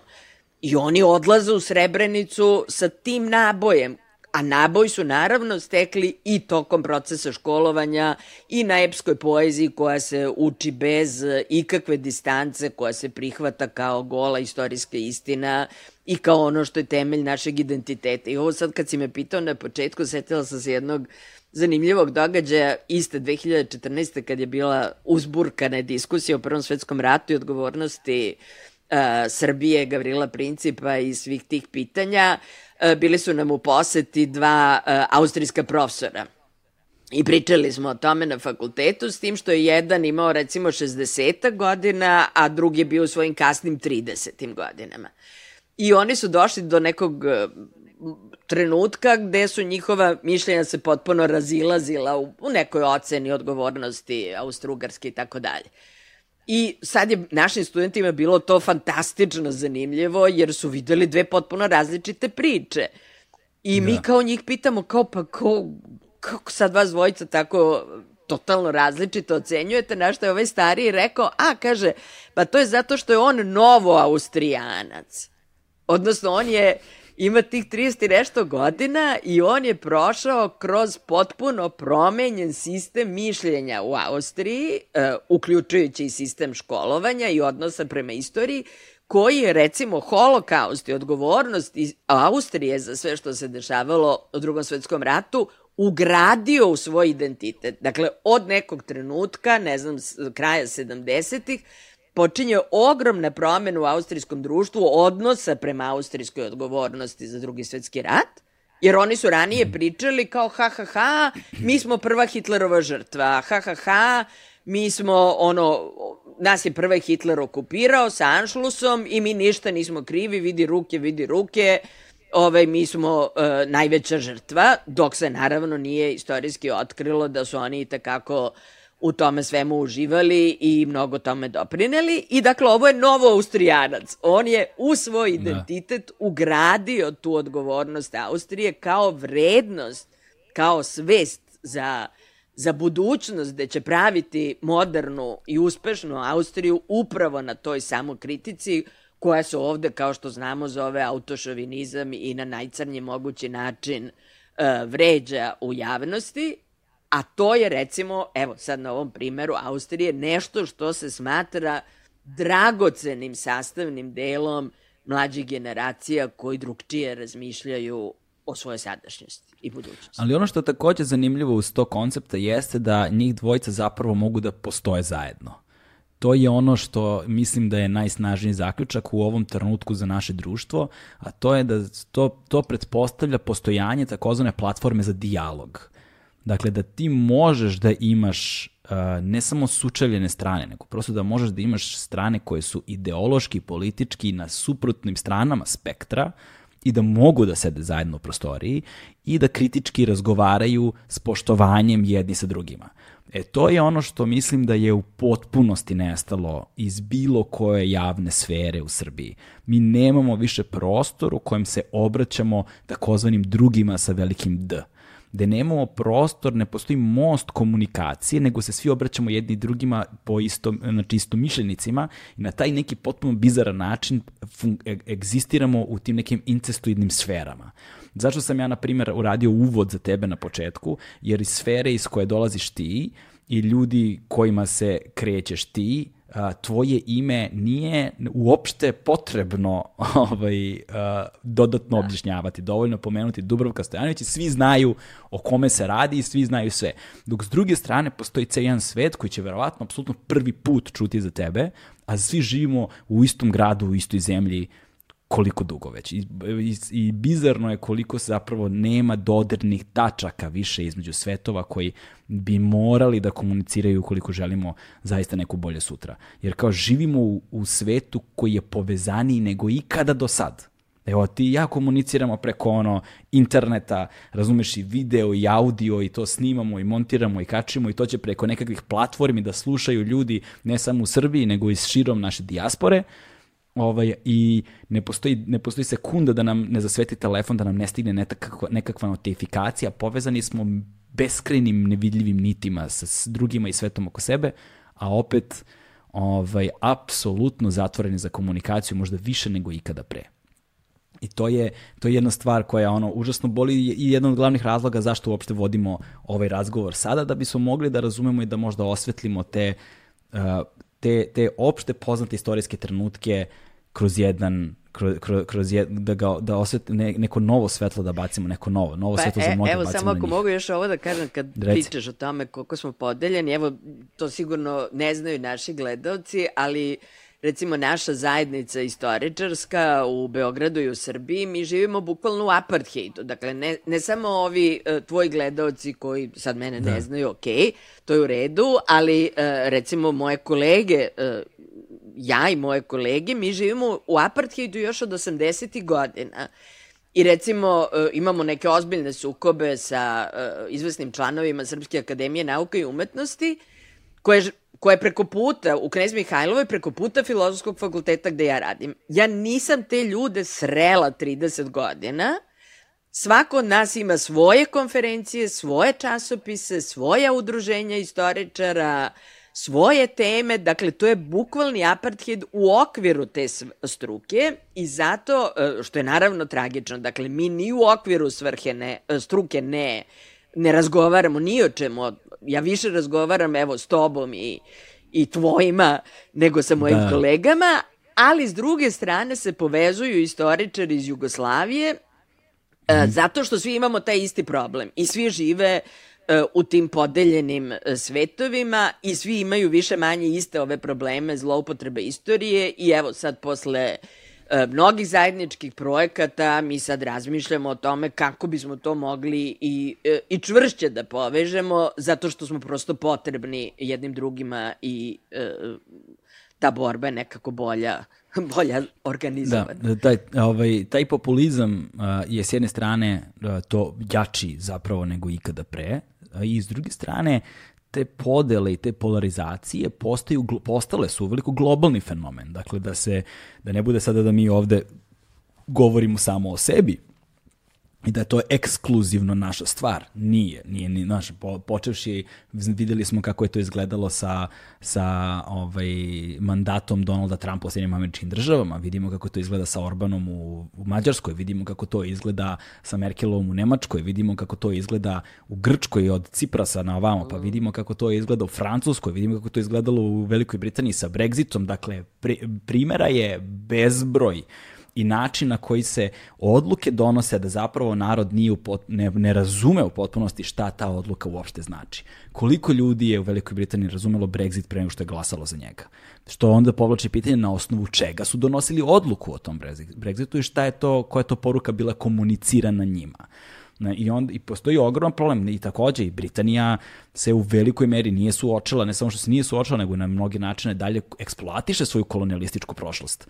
Ovaj, dok s druge strane drže moralne predavanje drugim zemljama. Tako da, ovaj, tako da moramo da se postavimo samo u, u nekakve okvire, nije ekskluzivno naša stvar Ovaj, i, ali je naša dužnost da govorimo o nama samima, ali tako je našoj prošlosti, da bismo mogli nekako da stupimo u tu neku svetlu budućnost i da ostavimo tim budućim generacijama taj prostor da upravo kao u ovim austrijskom primjeru postoje dve različite škole tumačenja, načina kreiranja identiteta, ali da mogu da postoje zajedno, da komuniciraju jedni sa drugima i na taj način istorija će upravo biti ono što bi trebalo da bude, što jeste zapravo, to je nauka i naučna disciplina. Sad je zanimljivo Pomenula si malo pre ovaj, Gavrila Principa, ovaj, kog smo volšebno mimoišli kada smo govorili o Prvom svetskom ratu, ali je zanimljivo, na primjer, on je jedan od tih simbola u popularnoj kulturi danas, koji u potpunosti preuzet da kažemo sa tog desnog spektra. On je sada postao ključna tačka svih nacionalista u Srbiji. Kako je, šta se tu desilo? Pa, to je opet se vraćamo na tu 2014. godinu koja je između ostalog e, izbacila i dve vrlo zanimljive drame e, Biljane Srbljanović i Milene Marković koje su ga tumačile na potpuno različite načine. E, i svega onoga što se tada o njemu govorilo. Dakle, tad smo imali jedan ogroman e, prostor gde je on tumačen e, ili kao e, krajnji levičar i anarhista, kao što je to bio slučaj u drami Milene Marković, e, do toga da je on tumačen kao Jugosloven, do toga da je on tumačen kao antijugosloven i kao srpski nacionalista, da je tumačen kao desničar koji se diže protiv Zapada i protiv Evrope ili da je e, zloupotrebljen od strane e, Crne ruke kao srpske, e, srpskog DB-a tadašnjeg e, kao, e, kao izvršilac e, isključivo jedne, iz, od strane jedne mračne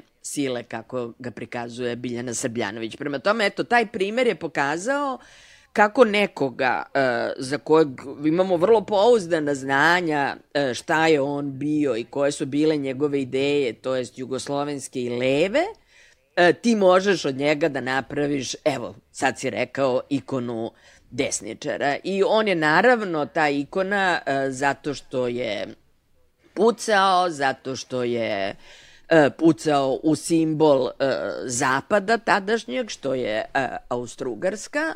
I sad ti vidiš, evo sad smo pričali o o tom podeljenom društvu, jedan moj kolega je tada 2014. godine napisao u nekim novinama jedan članak o tome koliko je poguban bio taj uh, E, taj gest e, Gavrila Principa, jer je Srbija upravo izašla ovom, čemu smo ti ja pričali, iz preteških balkanskih ratova, gde je imala mhm. više desetina hiljada e, žrtava, gde ponovo su izgubljene ne samo životi, nego i neke poljoprivredne sezone, jedno leto i tako dalje, što je sve strašno za jednu poljoprivrednu zemlju, da sad to sve ne pričam. I odmah, odmah posle toga došlo je uh, Došlo je to ubistvo i Srbija se našla prva na mm. udaru Austro-Ugarske, kasnije i Nemačke.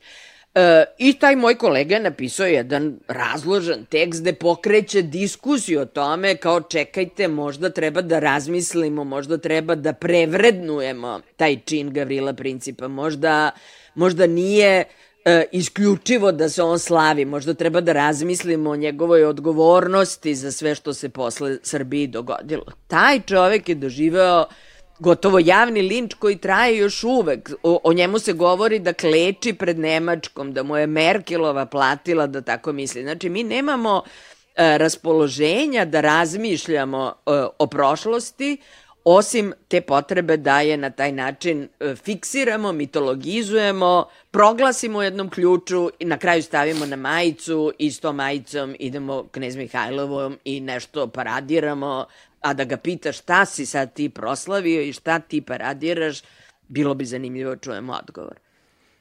Pa to je isto kao što je serija Holokaust 70-ih odigrala ogromnu ulogu u priznavanju kolektivne krivice u Nemačkoj.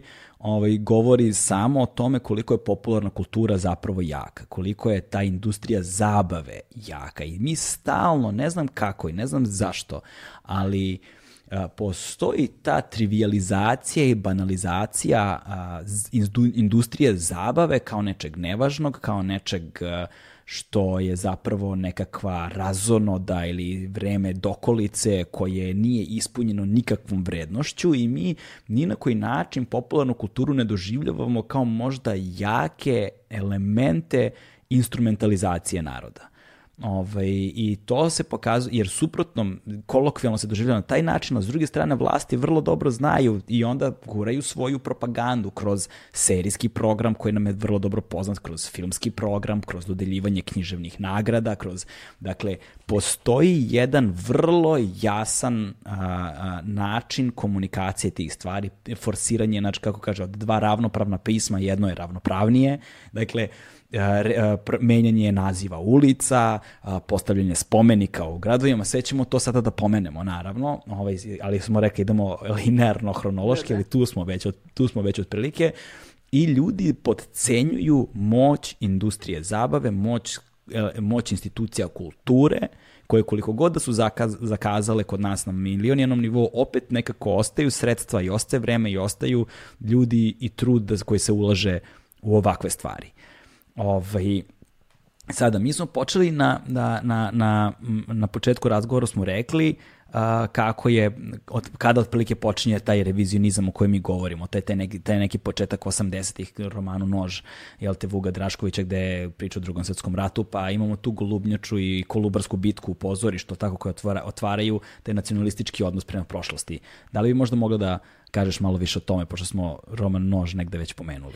Pa jeste, to se uklapa ovo sada što si ti pričao, mm -hmm. uh, zato što iste te 83. godine, kad se pojavljuje Nož i kad se pojavljuje Golubnjača, imamo tu predstavu Kolubarska bitka, Uh, I sad ne znam da li je iko od tvojih gledalaca, da li spadaju te generacije koji su to gledali, ali je važno da se opi to opiše. To je bilo u Jugoslovenskom dramskom pozorištu i to nije više imalo nikakve veze sa pozorištem. To je bilo neka vrsta nacionalnog transa. Uh, predstava je bila krajnjo onako konzervativna i u stvari dosadna. Vojvoda Mišić komanduje levo, komanduje desno. Dakle, mislim u pozorišnom smislu da da je bila loša predstava, mm -hmm. ali to nije bilo važno, niti je iko tu bio zbog predstave.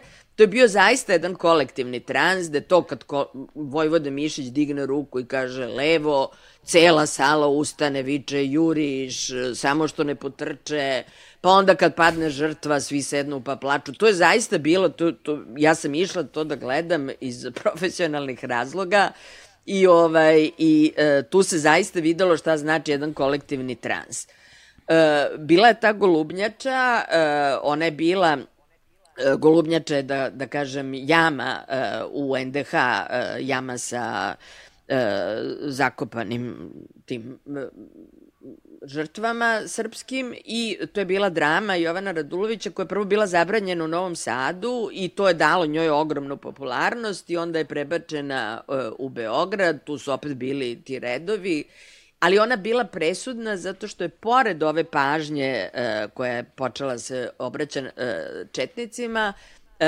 ta predstava Golubnjača je pomerila fokus drugog svetskog rata na NDH, na jame, na srpske žrtve i time je krenuo taj jedan pravac dominacije tog narativa, koji naravno mora da se priča, problem Jugoslavije i bio u tome što se o tome nije govorilo, ali nije se govorilo ne zbog uh, komunističke obsesije, nego se nije govorilo jer je Jugoslavija bila država pomirenja, jer se trudilo na pogrešan način, ali trudilo se da e, e, da se ne otvaraju nove jame, već da se pokuša da se ide ka nekoj budućnosti. E, presudan je ipak bio roman knjiga o Milutinu, Mm -hmm. zato što je to bila neki to dajđest Dobrice...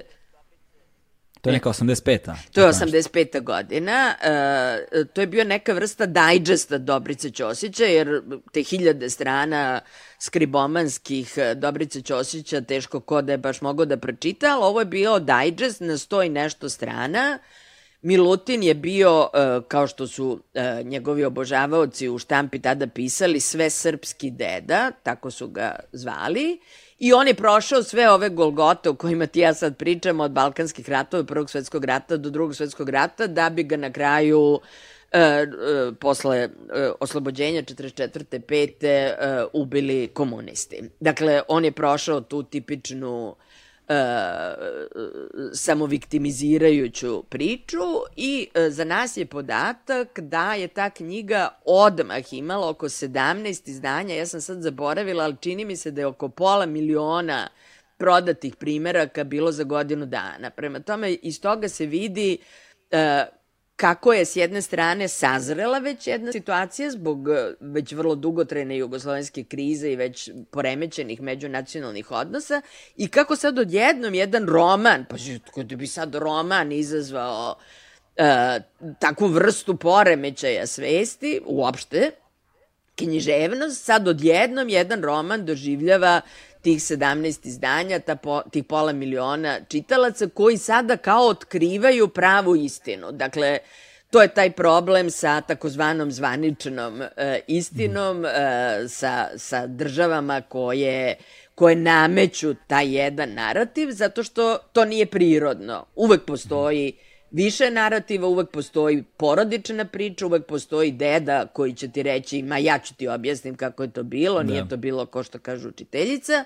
Znači, e, i ono što je e, pristup za koji se mi zalažemo, e, mi recimo okupljeni oko ovog projekta zajedničkih učbenika, je upravo multiperspektivnost. Znači, mi smo protiv jednog učbenika, protiv zvaničnog narativna. Potrebno je pustiti sve te glasove i o njima razgovarati. Kako je ko doživeo uh, 41. Kako je ko doživeo 44. Različiti delovi društva su ih doživeli na različite načine i važno je da oni dobiju svoje mesto u tim interpretacijama, ne da bi se sve relativizovalo, nego upravo da bi istorija bila polje diskusije i da ne bi bilo moguć jedan roman o Milutinu kao odjednom okidač srpskog nacionalizma. I eto, to se, to se tada pojavilo. E, Milutin je u sebi sažeo sve te dramatične pojave, ispričao je to na jedan basic nacionalistički način, sveo je to na, na crno-bele istine, dobro, loše, good guys, bad guys, uh, i, i, mi, i mi kao kolektivna uh, žrtva na prvom mestu. I to je ono što je veoma zanimljivo da izvedemo zaključak iz toga što si upravo rekla. Na početku ovoga si pomenula nisam siguran koliko su tvoji slušalci ili gledalci recimo bili uopšte rođeni za početak kada se dešavala predstava, jel te, ovaj, ili možda čitali knjigu Milutinu i tu onda dolazimo do jedne vrlo zanimljive pozicije društvene. Dakle, imamo dve stva, tačke u recimo kultu, u istoriji kulture naše savremene, koje su izazvale bile okidači za neki teren koji se pripremao verovatno dugo, jer ništa to nije nastalo ni iz čega, prosto negde je moralo to da sazreva i onda se desi jedno okidač u popularnoj kulturi koji to koji, koji zapali jel te, celu tu stvar. I to imamo svako malo se dešavaju takve stvari. Nije to ništa novo, ali je zanimljivo ovaj, da sada imamo mlade koji apsolutno žive to izgrađene svoje identitete kroz to, a da nikada nisu ni čuli za ta osnovna dela dakle koji nisu ni gledali, nisu ih slušali, nisu ih nisu prisustvovali, ne, niti znaju možda za njihovo postojanje, ne, ne, ne želim da generalizujem sve, ograđujem se odmah, ali nisu to stvari koje su u popularnoj kulturi poznate, nisu to stvari koje su sada ideš ulicom i da pitaš ljude, verovatno velika većina ne bi znala, posebno mladih, mlađih od 25 recimo sigurno. Ovaj, I onda je zanimljivo na koji način se zapravo taj plamen održava tinja, na koji način se on upija kroz institucije, kroz porodicu, kroz društvo, kroz škole, kroz obrazovne sisteme i implementira u čoveka tako da, kako, kaže, kako kažu ljudi kada raskidaju ovaj, posle, posle dugih veza, znaš, kaže, ne znam oko čega smo se svađali, ali pamtim kako sam se osjećao. E, to je ono kada je emocija utkana zapravo duboko u identitet i ti sada počinješ da osjećaš i onda to što osjećaš te natera da doživiš nekakvu vrstu moralne istine da je na tvojoj strani jer ti si zaista prisutan tu. I to je ono što, emotivno. I to je ono što vrlo često nailazim da je problem u komunikaciji sa jednom i sa drugom stranom jer nažalost živimo vremenu kada je to obično ono binarna opozicija mi i oni nema skoro nikada trećih jeste što oni uvek misle da je ova druga strana ta koja laže, ta koja je zla, ta koja a ne razumeju da se oni osjećaju apsolutno isto kao i ovi drugi. Oni su svi prisutni srcem, prisutni identitetom, prisutni emocijama i apsolutno uvereni u istinitost onoga što, u šta veruju. I tu nailazimo na veliki problem, jer veoma često ljudi nisu spremni uopšte za otvaranje dijaloga ako ti kršiš moralna načela onoga što ja verujem. Da li ja mogu tebe da prihvatim ukoliko ne volimo istu muziku? Svakako. Da li mogu da te prihvatim ukoliko ne jedemo istu hranu, možda iz religiosnih razloga, ti jedeš košer, ja jedem halal ili šta god. Ne, ne slažem se sa tvojim, ali mogu da te poštujem. Ali ukoliko dotaknemo to kao, znaš, mi to drugom svetskom ratu, ne znam, ratove 90-ih, istorijske ličnosti u popularnoj kulturi, onda nailazimo na instant problem da ljudi čak ni ne žele da budu u istoj prostoriji sa ljudima koji razmišljaju na taj način. Meni je to fascinantno. Fascinantno mi je da je moguće da dva ljudska bića zapravo nisu sposobna apsolutno da fizički budu blizu jedno drugoga ukoliko ne veruju u iste stvari. Znaš, kako na, na, i, i na koji način, kako u, vidiš i čak i kod tebe na fakultetu je ista stvar, znaš, da. sa, sa Srpskom akademijom nauka i umetnosti, da se 30 godina niste sreli. Da. Znaš, to mi je, ne znam, ne, neverovatno mi je to. I sada kako kultura igra ulogu u svemu tome, Pomenuli smo, dakle, uh, pomenuli ste sada knjigu o Milutinu, pomenuli smo, dakle, to je Veselina Đuretića, ono, Saveznici, Jugoslovenska ratna drama i revidiranje Jugoslavije i Četnika. Ovaj, a onda 80. godine kako je krenuo Jasenovac, jel te Jadovno i NDH, jer se pripremao rat za, s Hrvatskom, dok s druge strane pomenulo si kako u, u Bosni, kada je bila, kada je u Bosni si pomenula da je ta bila snažna priča o Turcima, o, o osveti za Kosovsku bitku iz 14. veka, bože moj, i opet te poraze žrtve, ali onda da, da dođemo do toga da 2000-ih, po znacima navoda te demokratske vlasti, su imale novu reviziju drugog svjetskog rata. Tako je. I, ovaj, I sva ta naša istraživanja, samo da kažem prethodno nešto, evo, mm. pošto uh, učiteljica u meni uvek traži da, da dam da.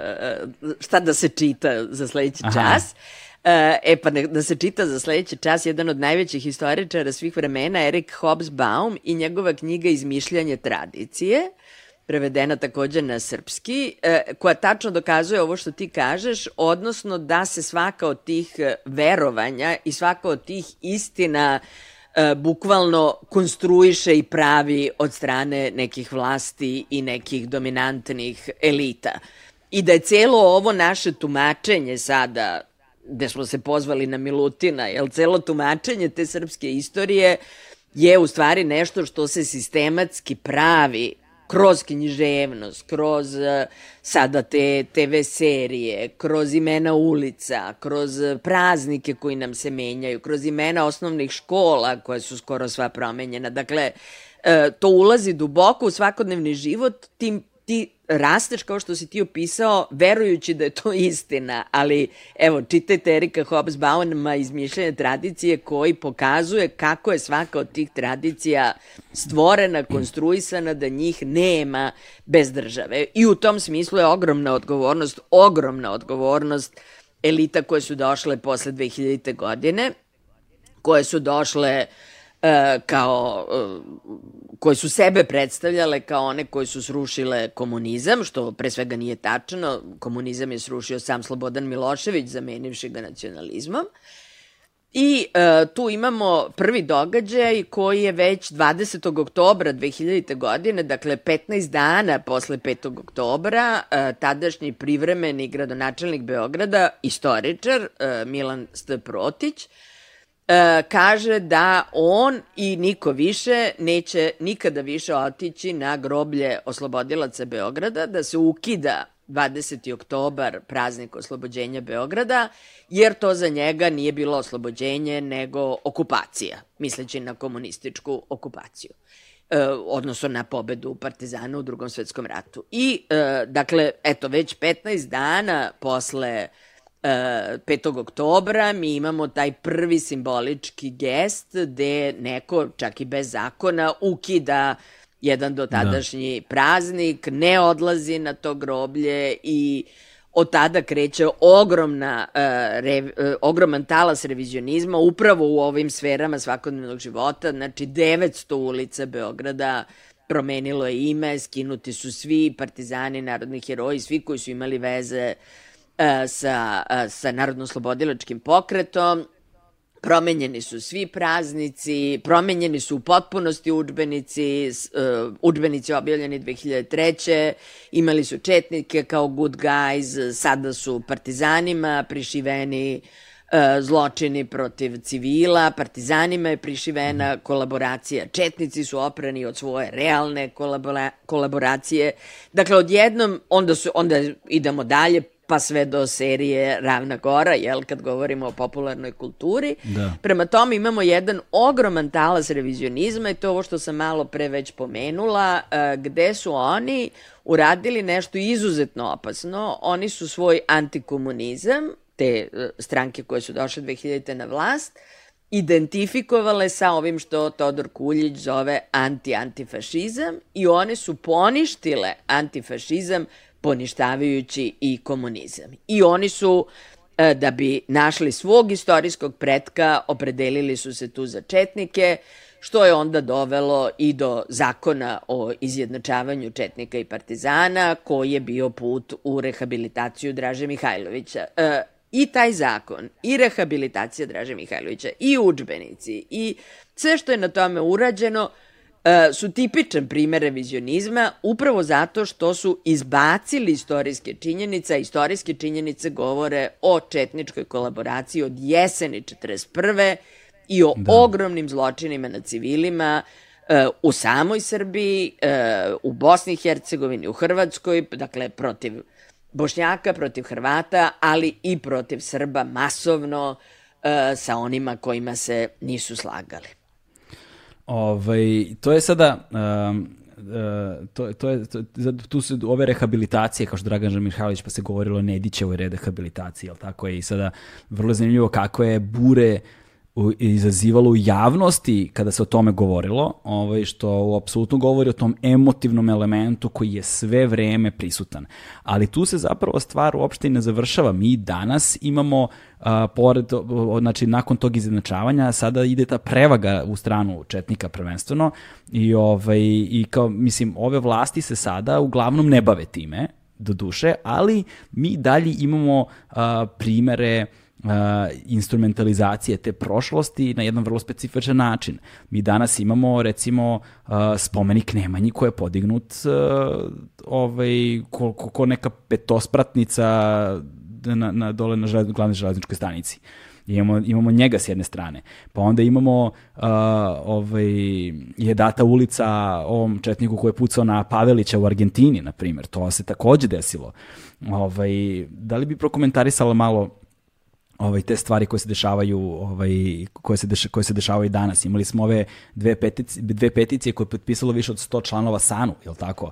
Ovaj a, i pokazalo je kolika stras zapravo se budi u takvim trenucima i da ona iako je prošlo 70 80 godina od tih događaja ovaj mi zapravo i živimo kao da su živi danas kao da su se desili prošle nedelje pa da, tako je. Eto, to su, e, to su ti, da kažem, među novijim skandalima. Mm -hmm. Ne znamo, nemamo još tačnu ideju šta ove vlasti hoće sa srednjim vekom. E, ono što vidimo to je da je, eto, bila televizijska serija Nemanjići, koja je srećom bila katastrofalna i negledljiva, kao što je to srećom bila i Ravna Gora, tako da e, sigurno nije ostavila većeg traga u, ovaj, na, na građane, očekujem jer je stvarno bila neverovatna, a, ali evo pojavio se i taj Nemanja koji, da te ispravim, nije kao petospratnica, nego kao sedmospratnica.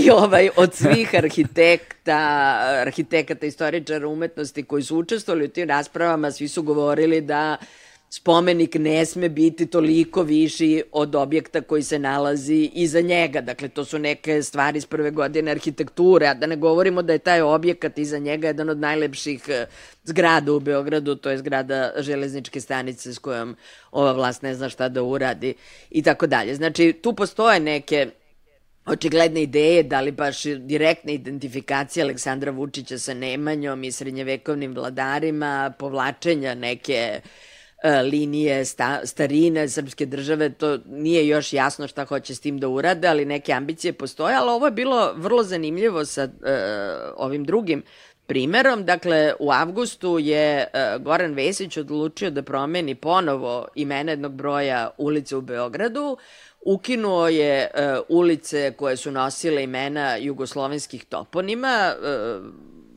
one koje su nosili Zagrebačka. imena iz Bosne i Hercegovine, Hrvatske, e, Slovenije i tako dalje. E, I mnogi ljudi su se pobunili i rekli su pa nemojte da radite ono što su radili u Hrvatskoj i Sloveniji. Oni su ukinuli sva ta imena, mi smo bili ponosni na Beograd što to nije uradio. E, time je Beograd dokazivao da je i dalje otvoreni veliki grad, nemojte nas voditi na palanku. Ali u tom talasu data je ulica Blagoju Jovoviću, koji je od, odjednom otkrivena ličnost, e, krajnje sumnjiva, dakle sve, sve, sve što znamo o njemu potiče iz njegovog sobstvenog nekog e, e, ispovesti, to je za svakog istoričara odmah sumnjivo, dakle ni, a, ako smo ranije pričali o tome da ni zakoni, ni uredbe, ni ustavi nisu nešto što treba da bude dovoljan istorijski izvor, to sigurno nije nečija ispovest. Mi imamo, znači, njegovu ispovest gde se on pohvalio, i to se pohvalio pre svega Amfilohiju Radoviću, da je on pucao na Pavelića 57. godine u Argentini. Nije ga ubio, Pavelić je umro dve godine kasnije, delom i zbog tih povreda. I u Beogradu je njemu data ulica. E, treba dodati da su u toj ispovesti on hvali Blagoje Jovović da je učestvovao u bitkama na Neretvi i Sutjesci protiv Partizana, a mi vrlo dobro znamo da je samim tim kao četnik on učestvovao potpuno zajedno sa nemačkim i italijanskim snagama u te dve najveće i najkrvavije bitke. Dakle, on je direktno kolaborirao, ali mi smo tom čoveku dali ulicu u Beogradu. Ali to nije bilo bitno za tu ulicu, nego je bilo bitno što je on pucao na Pavelića. I ja sam sad tu rekla da smatram da je skandal da Beograd kao prestonica jedne države slavi princip osvete, uzimanja pravde u svoje ruke. Nažalost, Pavelić nije uhvaćen i nije mu suđeno, kao što je to učinjeno sa mnogim ratnim zločincima. Nažalost, on je uspeo tome da izbegne, ali sam postavila pitanje da li to znači da mi slavimo sada pravo na osvetu, jer se postavlja pitanje i gde se završava ta osveta, gde se onda završava pravo da pravdu uzmemo u svoje ruke, jer sam rekla i Zvezdan Jovanović je mislio da je potpuno u pravu kada je pucao na Zorana Đinđića, recimo. Dakle, da li uopšte pojedinac ima pravo da uzme pravdu u svoje ruke i ja smatram da, da nema. E, smatram to posebno u državi koja je ukinula smrtnu kaznu. Znači, mi smo u državi koja sama sebi e, ne da za pravo da ubije e, čoveka, ma kakav zločinac on bio, pa samim tim ne treba slaviti ni pojedince. Ta moja izjava, ja sam završila, nazvali su me Đubravka, završila sam na naslovnim stranama svog ovog smeća ali to nije problem. Problem je što su i glasovi iz opozicije, vrlo istaknutih imena po Twitteru, takođe mene napali kao osobu koja uh, otprilike se zalaže za Pavelića. Kako može da se zalaže za Pavelića ako se zalažem, ako govorimo o potpuno drugom pitanju, uh, pitanju osvete. I kako uopšte mogu da se zalažem za Pavelića, ja sam antifašistkinja i zbog toga me u stvari napadaju. To je bila neverovatna jedna hajka, uh, lepo si rekao, dve, dve peticije uh, akademika protiv mene i moj kolege Nikole Samadžića. To je bilo neverovatna jedna situacija koja meni pre svega bila zanimljiva jer je vrlo malo kon stao na, ne stao na moju stranu. Evo recimo Basar je to uradio, rekao pa čekajte ste vi pri sebi, vi zaista slavite čoveka koji, koji ide okolo i puca uh, onako, sveti se redom, ali je pokazalo taj nedostatak pluralizma kad smo kod nekih moralnih pitanja. Dakle, ovo mm. nije istorijsko pitanje. Jeste za mene, jeste istorijsko pitanje, naravno, ali je to i neko etičko pitanje. Dakle, koju vrednost ti slaviš u društvu kad ulicu nazoveš određenim imenom? Goran Vesić, ali ne samo Goran Vesić, ogromna je bila podrška u stvari kroz taj napad na mene, nije meni bitno što su mene napali, nego što su oni podržali taj princip uh, prava na osvetu, je podržao tu vrednost koju, vratimo se, imamo u našoj epskoj poeziji, koju tako učimo u školi bez ikakve distance, bez ikakvog kritičkog preispitivanja, učimo je kao moralni uzus za današnje vreme 21. veka. Ogroman je problem sa time, zato što sećam se ja na, na fakultetu, negde na trećoj godini smo to smo radili tu srpsku srednjevekovnu ovaj umetnost i onda kada smo se baveš bavili poezijom, ovaj i epskom poezijom, uh, tu prva stvar koju ti primetiš kada radiš te komparativne studije, jel te, pošto smo radili paralelno s druge strane, ovaj, dakle to ono to je bila postovno buržovska revolucija, dakle početak 19. veka, rađanje zapravo nacionalnih identiteta, samim tim je rađanje takozvanih komparativnih teorija i onda sad ti, taj hod onda istorijski unazad kojim se utvrđuje ko je šta od koga pozajmio, ovaj, ko je na koga uticao, ko je bio prvi i tako dalje, što je naravno stvorilo dublje podele u društvu, tako da cela ta stvar nije nova uopšte, dakle od onog kraja buržovske revolucije na vamo, sa rođenjem tog građanskog staleža, sa, sa prvom industrijskom revolucijom, sa od štamparije na ovamo, sa dostupnošću koja se desila ovaj, svakodnevnim građanima, ovaj, desila, desila su se i dublje podele zapravo istorijski posmatrano ovaj, i onda smo, i onda učeći te stvari došli smo do takozvanih internacionalnih motiva, znači ti kad posmatraš epsku poeziju ti zapravo shvataš da takva ista vrsta poezije sa istom vrstom motiva, idejama, arhetipskim likovima i tako dalje postoji u drugim književnostima i da, da veliki deo toga što piše nije naše originalno istorijski tačno, nego je prosto samo deo jednog duha vremena ovaj, koji je postojao kroz ono, različite zemlje, različite kulture, prvenstveno u Evropi, a potom i u ostalim, i ostalim zemljama. Da to sve predstavlja deo tog takozvanog judeo-hrišćanskog nasleđa da su sve stvari zapravo uvezane, kažem, ni jedna ne stoji sama za sebe i činjenica da mi nemamo nikakav otklon prema tome i da ne uzmimamo u razmatranje ove druge stvari, govori jako puno ne samo o našoj vlasti, jer ne mogu da kažemo našim ljudima, ljudi su prosto žive posledicu vlasti, ovaj, ali govori o tome koliko je to opasno. Opasno je zato što onda ostajemo zatvoreni za druge. Jer jednom prilikom sam negde pročitao neki tekst, davno je bilo, više se ne sjećam ni o čemu je tekst, samo sećam se da mi je naslov ostao ovaj, u glavi, kaže Srbi su narod koji stoji leđima okrenut celom svetu. I, ovaj, i, i na, nažalost, na, nažalost ovaj, ne želim da, da, da, da budem isključiv, ali nažalost ima puno istine, ima, ima puno istine u tome.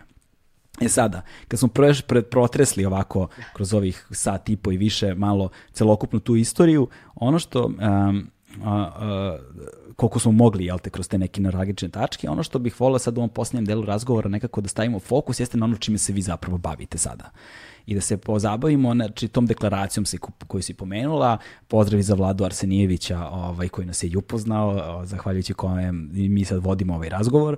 Dakle, um, Sećam se da su te, da je postalo nekoliko tih deklaracija i Sigurom Štiksom koji je među ostalog bio gost u ovom podcastu i razgovarali smo o tome kada je objavio svoj roman W koji se bavi tim propastima timih ideologija, jel te, kroz celokupni 20. vek, ne samo ovde, nego i globalno posmatrano od Francuska, od, od, od, od upravo i te 68. i Bader Meinhofa u Nemačkoj, i italijanski crvenih brigada u Italiji i tako dalje.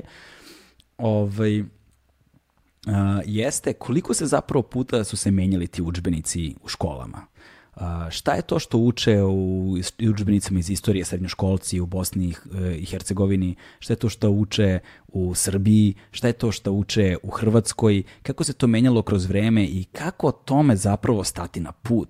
To je ono što mislim da je ključno pitanje. Gde mi otvaramo tačku pomirenja? U kom trenutku mi uspevamo da izgradimo most među uh, identitetima koji postoje na ovom prostoru?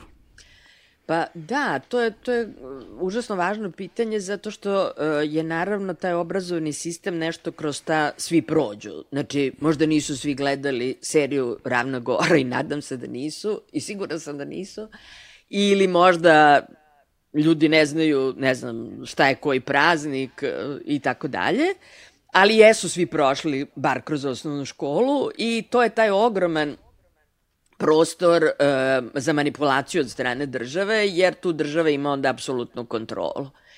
I e, mi smo uočili taj problem već te 93. godine u Centru za antiratne akcije i objavili smo tu prvu knjigu, urednica je bila Vesna Pešić i pokazali smo kako su ti e, učbenici potpuno promenjeni u ratu, e, da bi se rat opravdao i da bi se upravo proglasile te vrednosti E, knjiga se zvala Ratništvo, patriotizam, patrijarhalnost, upravo te, te ključne vrednosti na kojima je e, rat napravljen.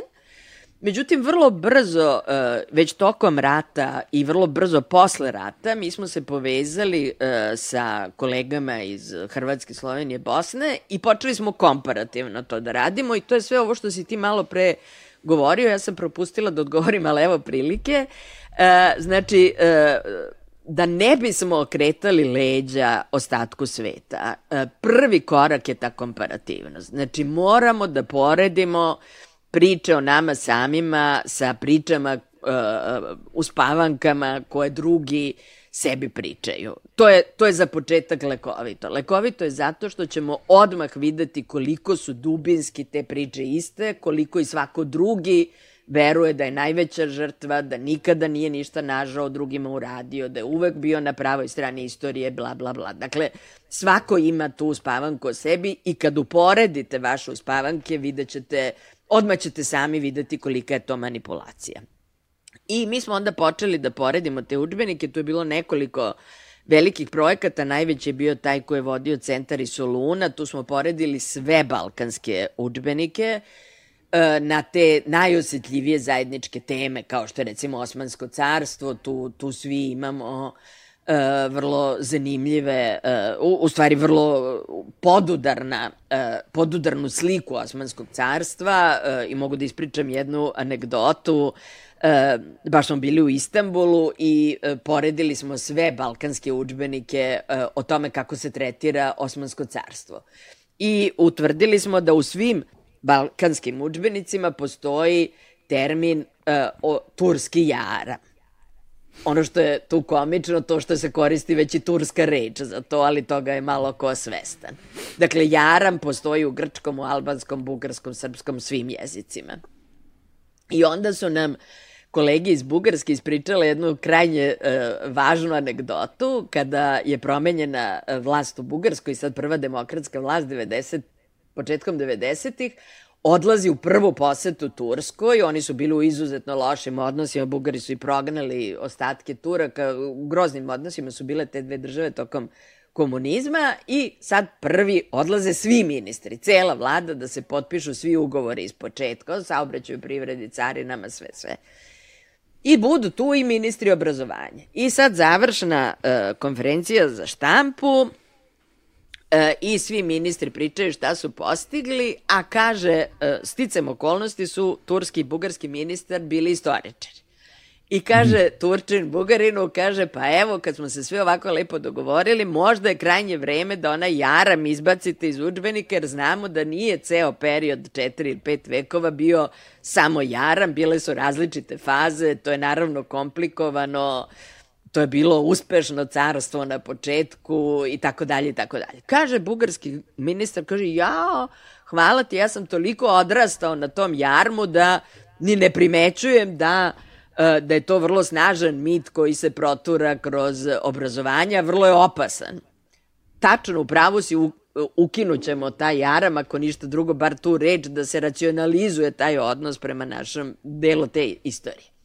Vraćaju se sad svi bugarski ministri uh, u Sofiju sledećeg dana, sve Bog zna kako lepo, ali novine uopšte nikoga ne zanima šta je postignuto u privrednom ili ne znam kom sve smislu. Sve novine od levice do desnice imaju isti naslov, a naslov je hoće da nam uzmu naš jaram. I padne ministar prosvete. Zašto je to važno? Zato što taj jaram, tih 500 godina po Turcima, mi koristimo kao uh, poštapalicu istorijsku za sve što ne valja. Kao što su nam prljave ulice, pa 500 godina po Turcima. Što ne valjaju javni WC, pa ne može zbog turskog jarma. Što je bio komunizam zbog Turaka, što nema demokratije zbog Turaka, a umeđu vremenu vidimo da je Turska sama po sebi napredovala. Znači, e, e evo recimo i ta priča pokazuje koliko je jedan mit užasno važan za vašu identifikaciju danas ili, ako ništa drugo, za oslobađanje od svake odgovornosti. Nama su Turci tu da bismo se oslobodili svake odgovornosti i onda hoće da nam uzmu naš jaram, jer ko smo i šta smo ako nestane tog argumenta. E, kad smo mi to sve uporedili, mi smo prosto doživeli uh, sobstveno, so, promenu je doživeo svako od nas kad smo videli uh, koliko su te manipulacije e, e, identične potpuno među sukobljenim narodima. I onda smo e, se postavili pitanje šta bi u stvari pomoglo e, ovom širem regionu, dakle recimo čitavog Balkana, koji ima tako snažan utice istorije na savremenost. Dakle, da li bi to bilo da mi istoričari, što je naravno nezamislivo, negde sednemo i glasamo kao aj se sad dogovorimo, prvi Balkanski rat, da li on oslobodilački ili osvajački. Mm -hmm. To je nemoguće, zato što, recimo, Srbija, Grčka i Crna Gora ga vide kao oslobodilački i, i vrhunski događaj svoje istorije, ali ga Albanija, uh, Albanci, Makedonci, Bugari, Turci vide kao najveću katastrofu. Dakle, mi ne možemo da se dogovorimo kakav je taj rat bio, niti treba to da se dogovorimo. Ono što da. mislimo da treba to je da se da informacija đacima u Srbiji kako recimo Balkanski rat vide Makedonci, kako ga vide Bugari, kako ga vide Grci, Crnogorci i svi ostali. To je taj korak. I to je taj korak ka onome što si ti više puta u ovom razgovoru uh, pomenuo. To je taj korak ka dijalogu. Dakle, ne moram da prihvatim tvoje viđenje istorijskog događaja, jer je ono za tebe identitetski važno da ga tako čitaš. Ali moram da, želim da znam kako je tvoje viđenje, moram da znam kako je viđenje i moram da uh, uh, umem da diskutujem o tome zašto je tvoje viđenje takvo, a moje je sasvim suprotno. I da iz toga da. ne proizađe novi rat, što je najvažnije. Tako je. Znači, to Tako je način da se, uh, uh, i mi smo napravili takve te knjige, uh, neko mi je sad rekao da nema više tog sajta c, uh, cdrsee.org, znači CDRSEE, Centar za demokratiju i pomirenje u jugoistočnoj Evropi. Tu su bile sve te knjige na svim jezicima regiona. Uh, uh, ako ih još ima, evo, pozivam sve da ih nađu To, e, pa, e, ovaj, apsolutno, apsolutno sam saglasan, ono, ovaj, ali da ne bude ono, ovaj, da, da, se, da se sad međusobno, naš, kao ne hvalimo, nego ono što hoću, a ukoliko postoji jedna stvar koju bih ja volao da ljudi ponesu iz ovog razgovora ili zapravo iz bilo koje epizode koju a to je upravo uh, prostor ne da prihvate možda ideje o kojima govorimo, ne da prihvate možda istoriju o, o kojoj govorimo, ne da, govo, ne da prihvate možda ovo ili ono, ne, ne treba da prihvate ništa nikome, niko, niko ništa ne mora da uradi,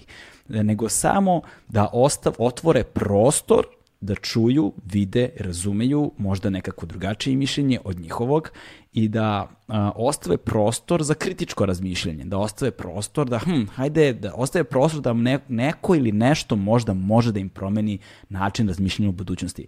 Ja, ko, koji sam čovek danas, apsolutno nisam isti čovek kao od pre 5 godina, apsolutno nisam isti čovek kao pre 10 godina, apsolutno nisam isti čovek kao pre 15 ili 20 godina i ko zna kakav će čovek biti za 5 godina ali ono što nekako se trudim da uradim, ovaj, ne bez ono osjećanja griže savesti i krivice ovaj, za brojne gluposti koje sam radio iz života, ali jeste da opet bez obzira na sve to ne žmurim na te probleme, da ih nekako integrišem u nešto što će sutra biti i da ih uzimam u obzir u trenutku kada formiram ono što će sutra da bude nekakav deo mog identiteta.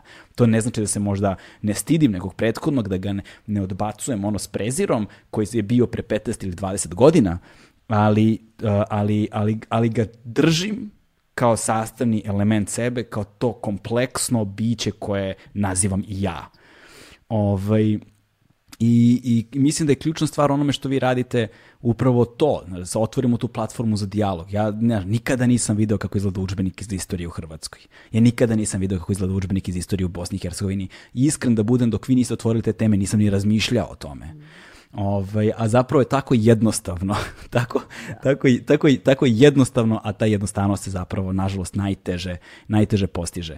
Ovaj, a, tako da, hvala ti puno na, na, na, na ovom razgovoru, hvala ti puno a, na svemu što si podelila sa nama ovde ja ću nakon ovog ja ću ostaviti u opisu dakle ovog podcasta sve linkove koji možda ljudima mogu da budu važni. Dakle pričali smo o deklaraciji, zapisao sam ovde dakle ej da li imaš upitnik za ovo istraživanje o kojem si govorila o Solunskom frontu? Da, taj upitnik online. je u toj knjizi, uh, on se ali, on ali ima online u knjizi uh, koja se zove Novosti iz prošlosti, Beogradski centar za ljudska prava, 2010. Mm. godina.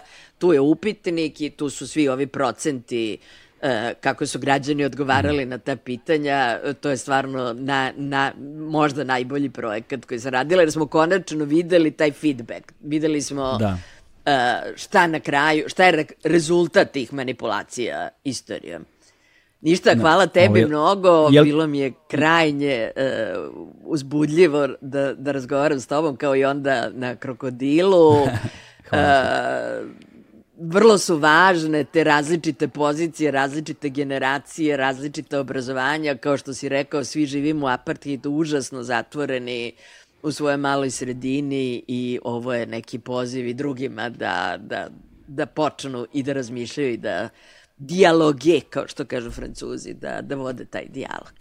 Tako je, i ovaj, kad završimo ovaj razgovor, tražit ću od tebe posle samo da ostaneš još malo online, da ovaj, pokupimo sve te linkove koji mogu da budu relevantni ljudima, ukoliko ih ova priča zanima ili ukoliko žele da je dovedu u pitanje, da je se suprotstave ili možda da potvrde ili opovrgnu njihova sobstvena uverenja, ostavit ćemo neke linkove koji bi mogli da im pomognu u tome šta god da je njihova namera. Hvala ti puno još jednom, bilo mi je veliko zadovoljstvo i nadam se da se uskoro družimo ponovo, ovoga puta uživo, da prođe ova pandemija ili da se barem vakcinišemo. Hvala tebi mnogo. Ćao. Hvala ti puno. Ćao, ćao, ćao.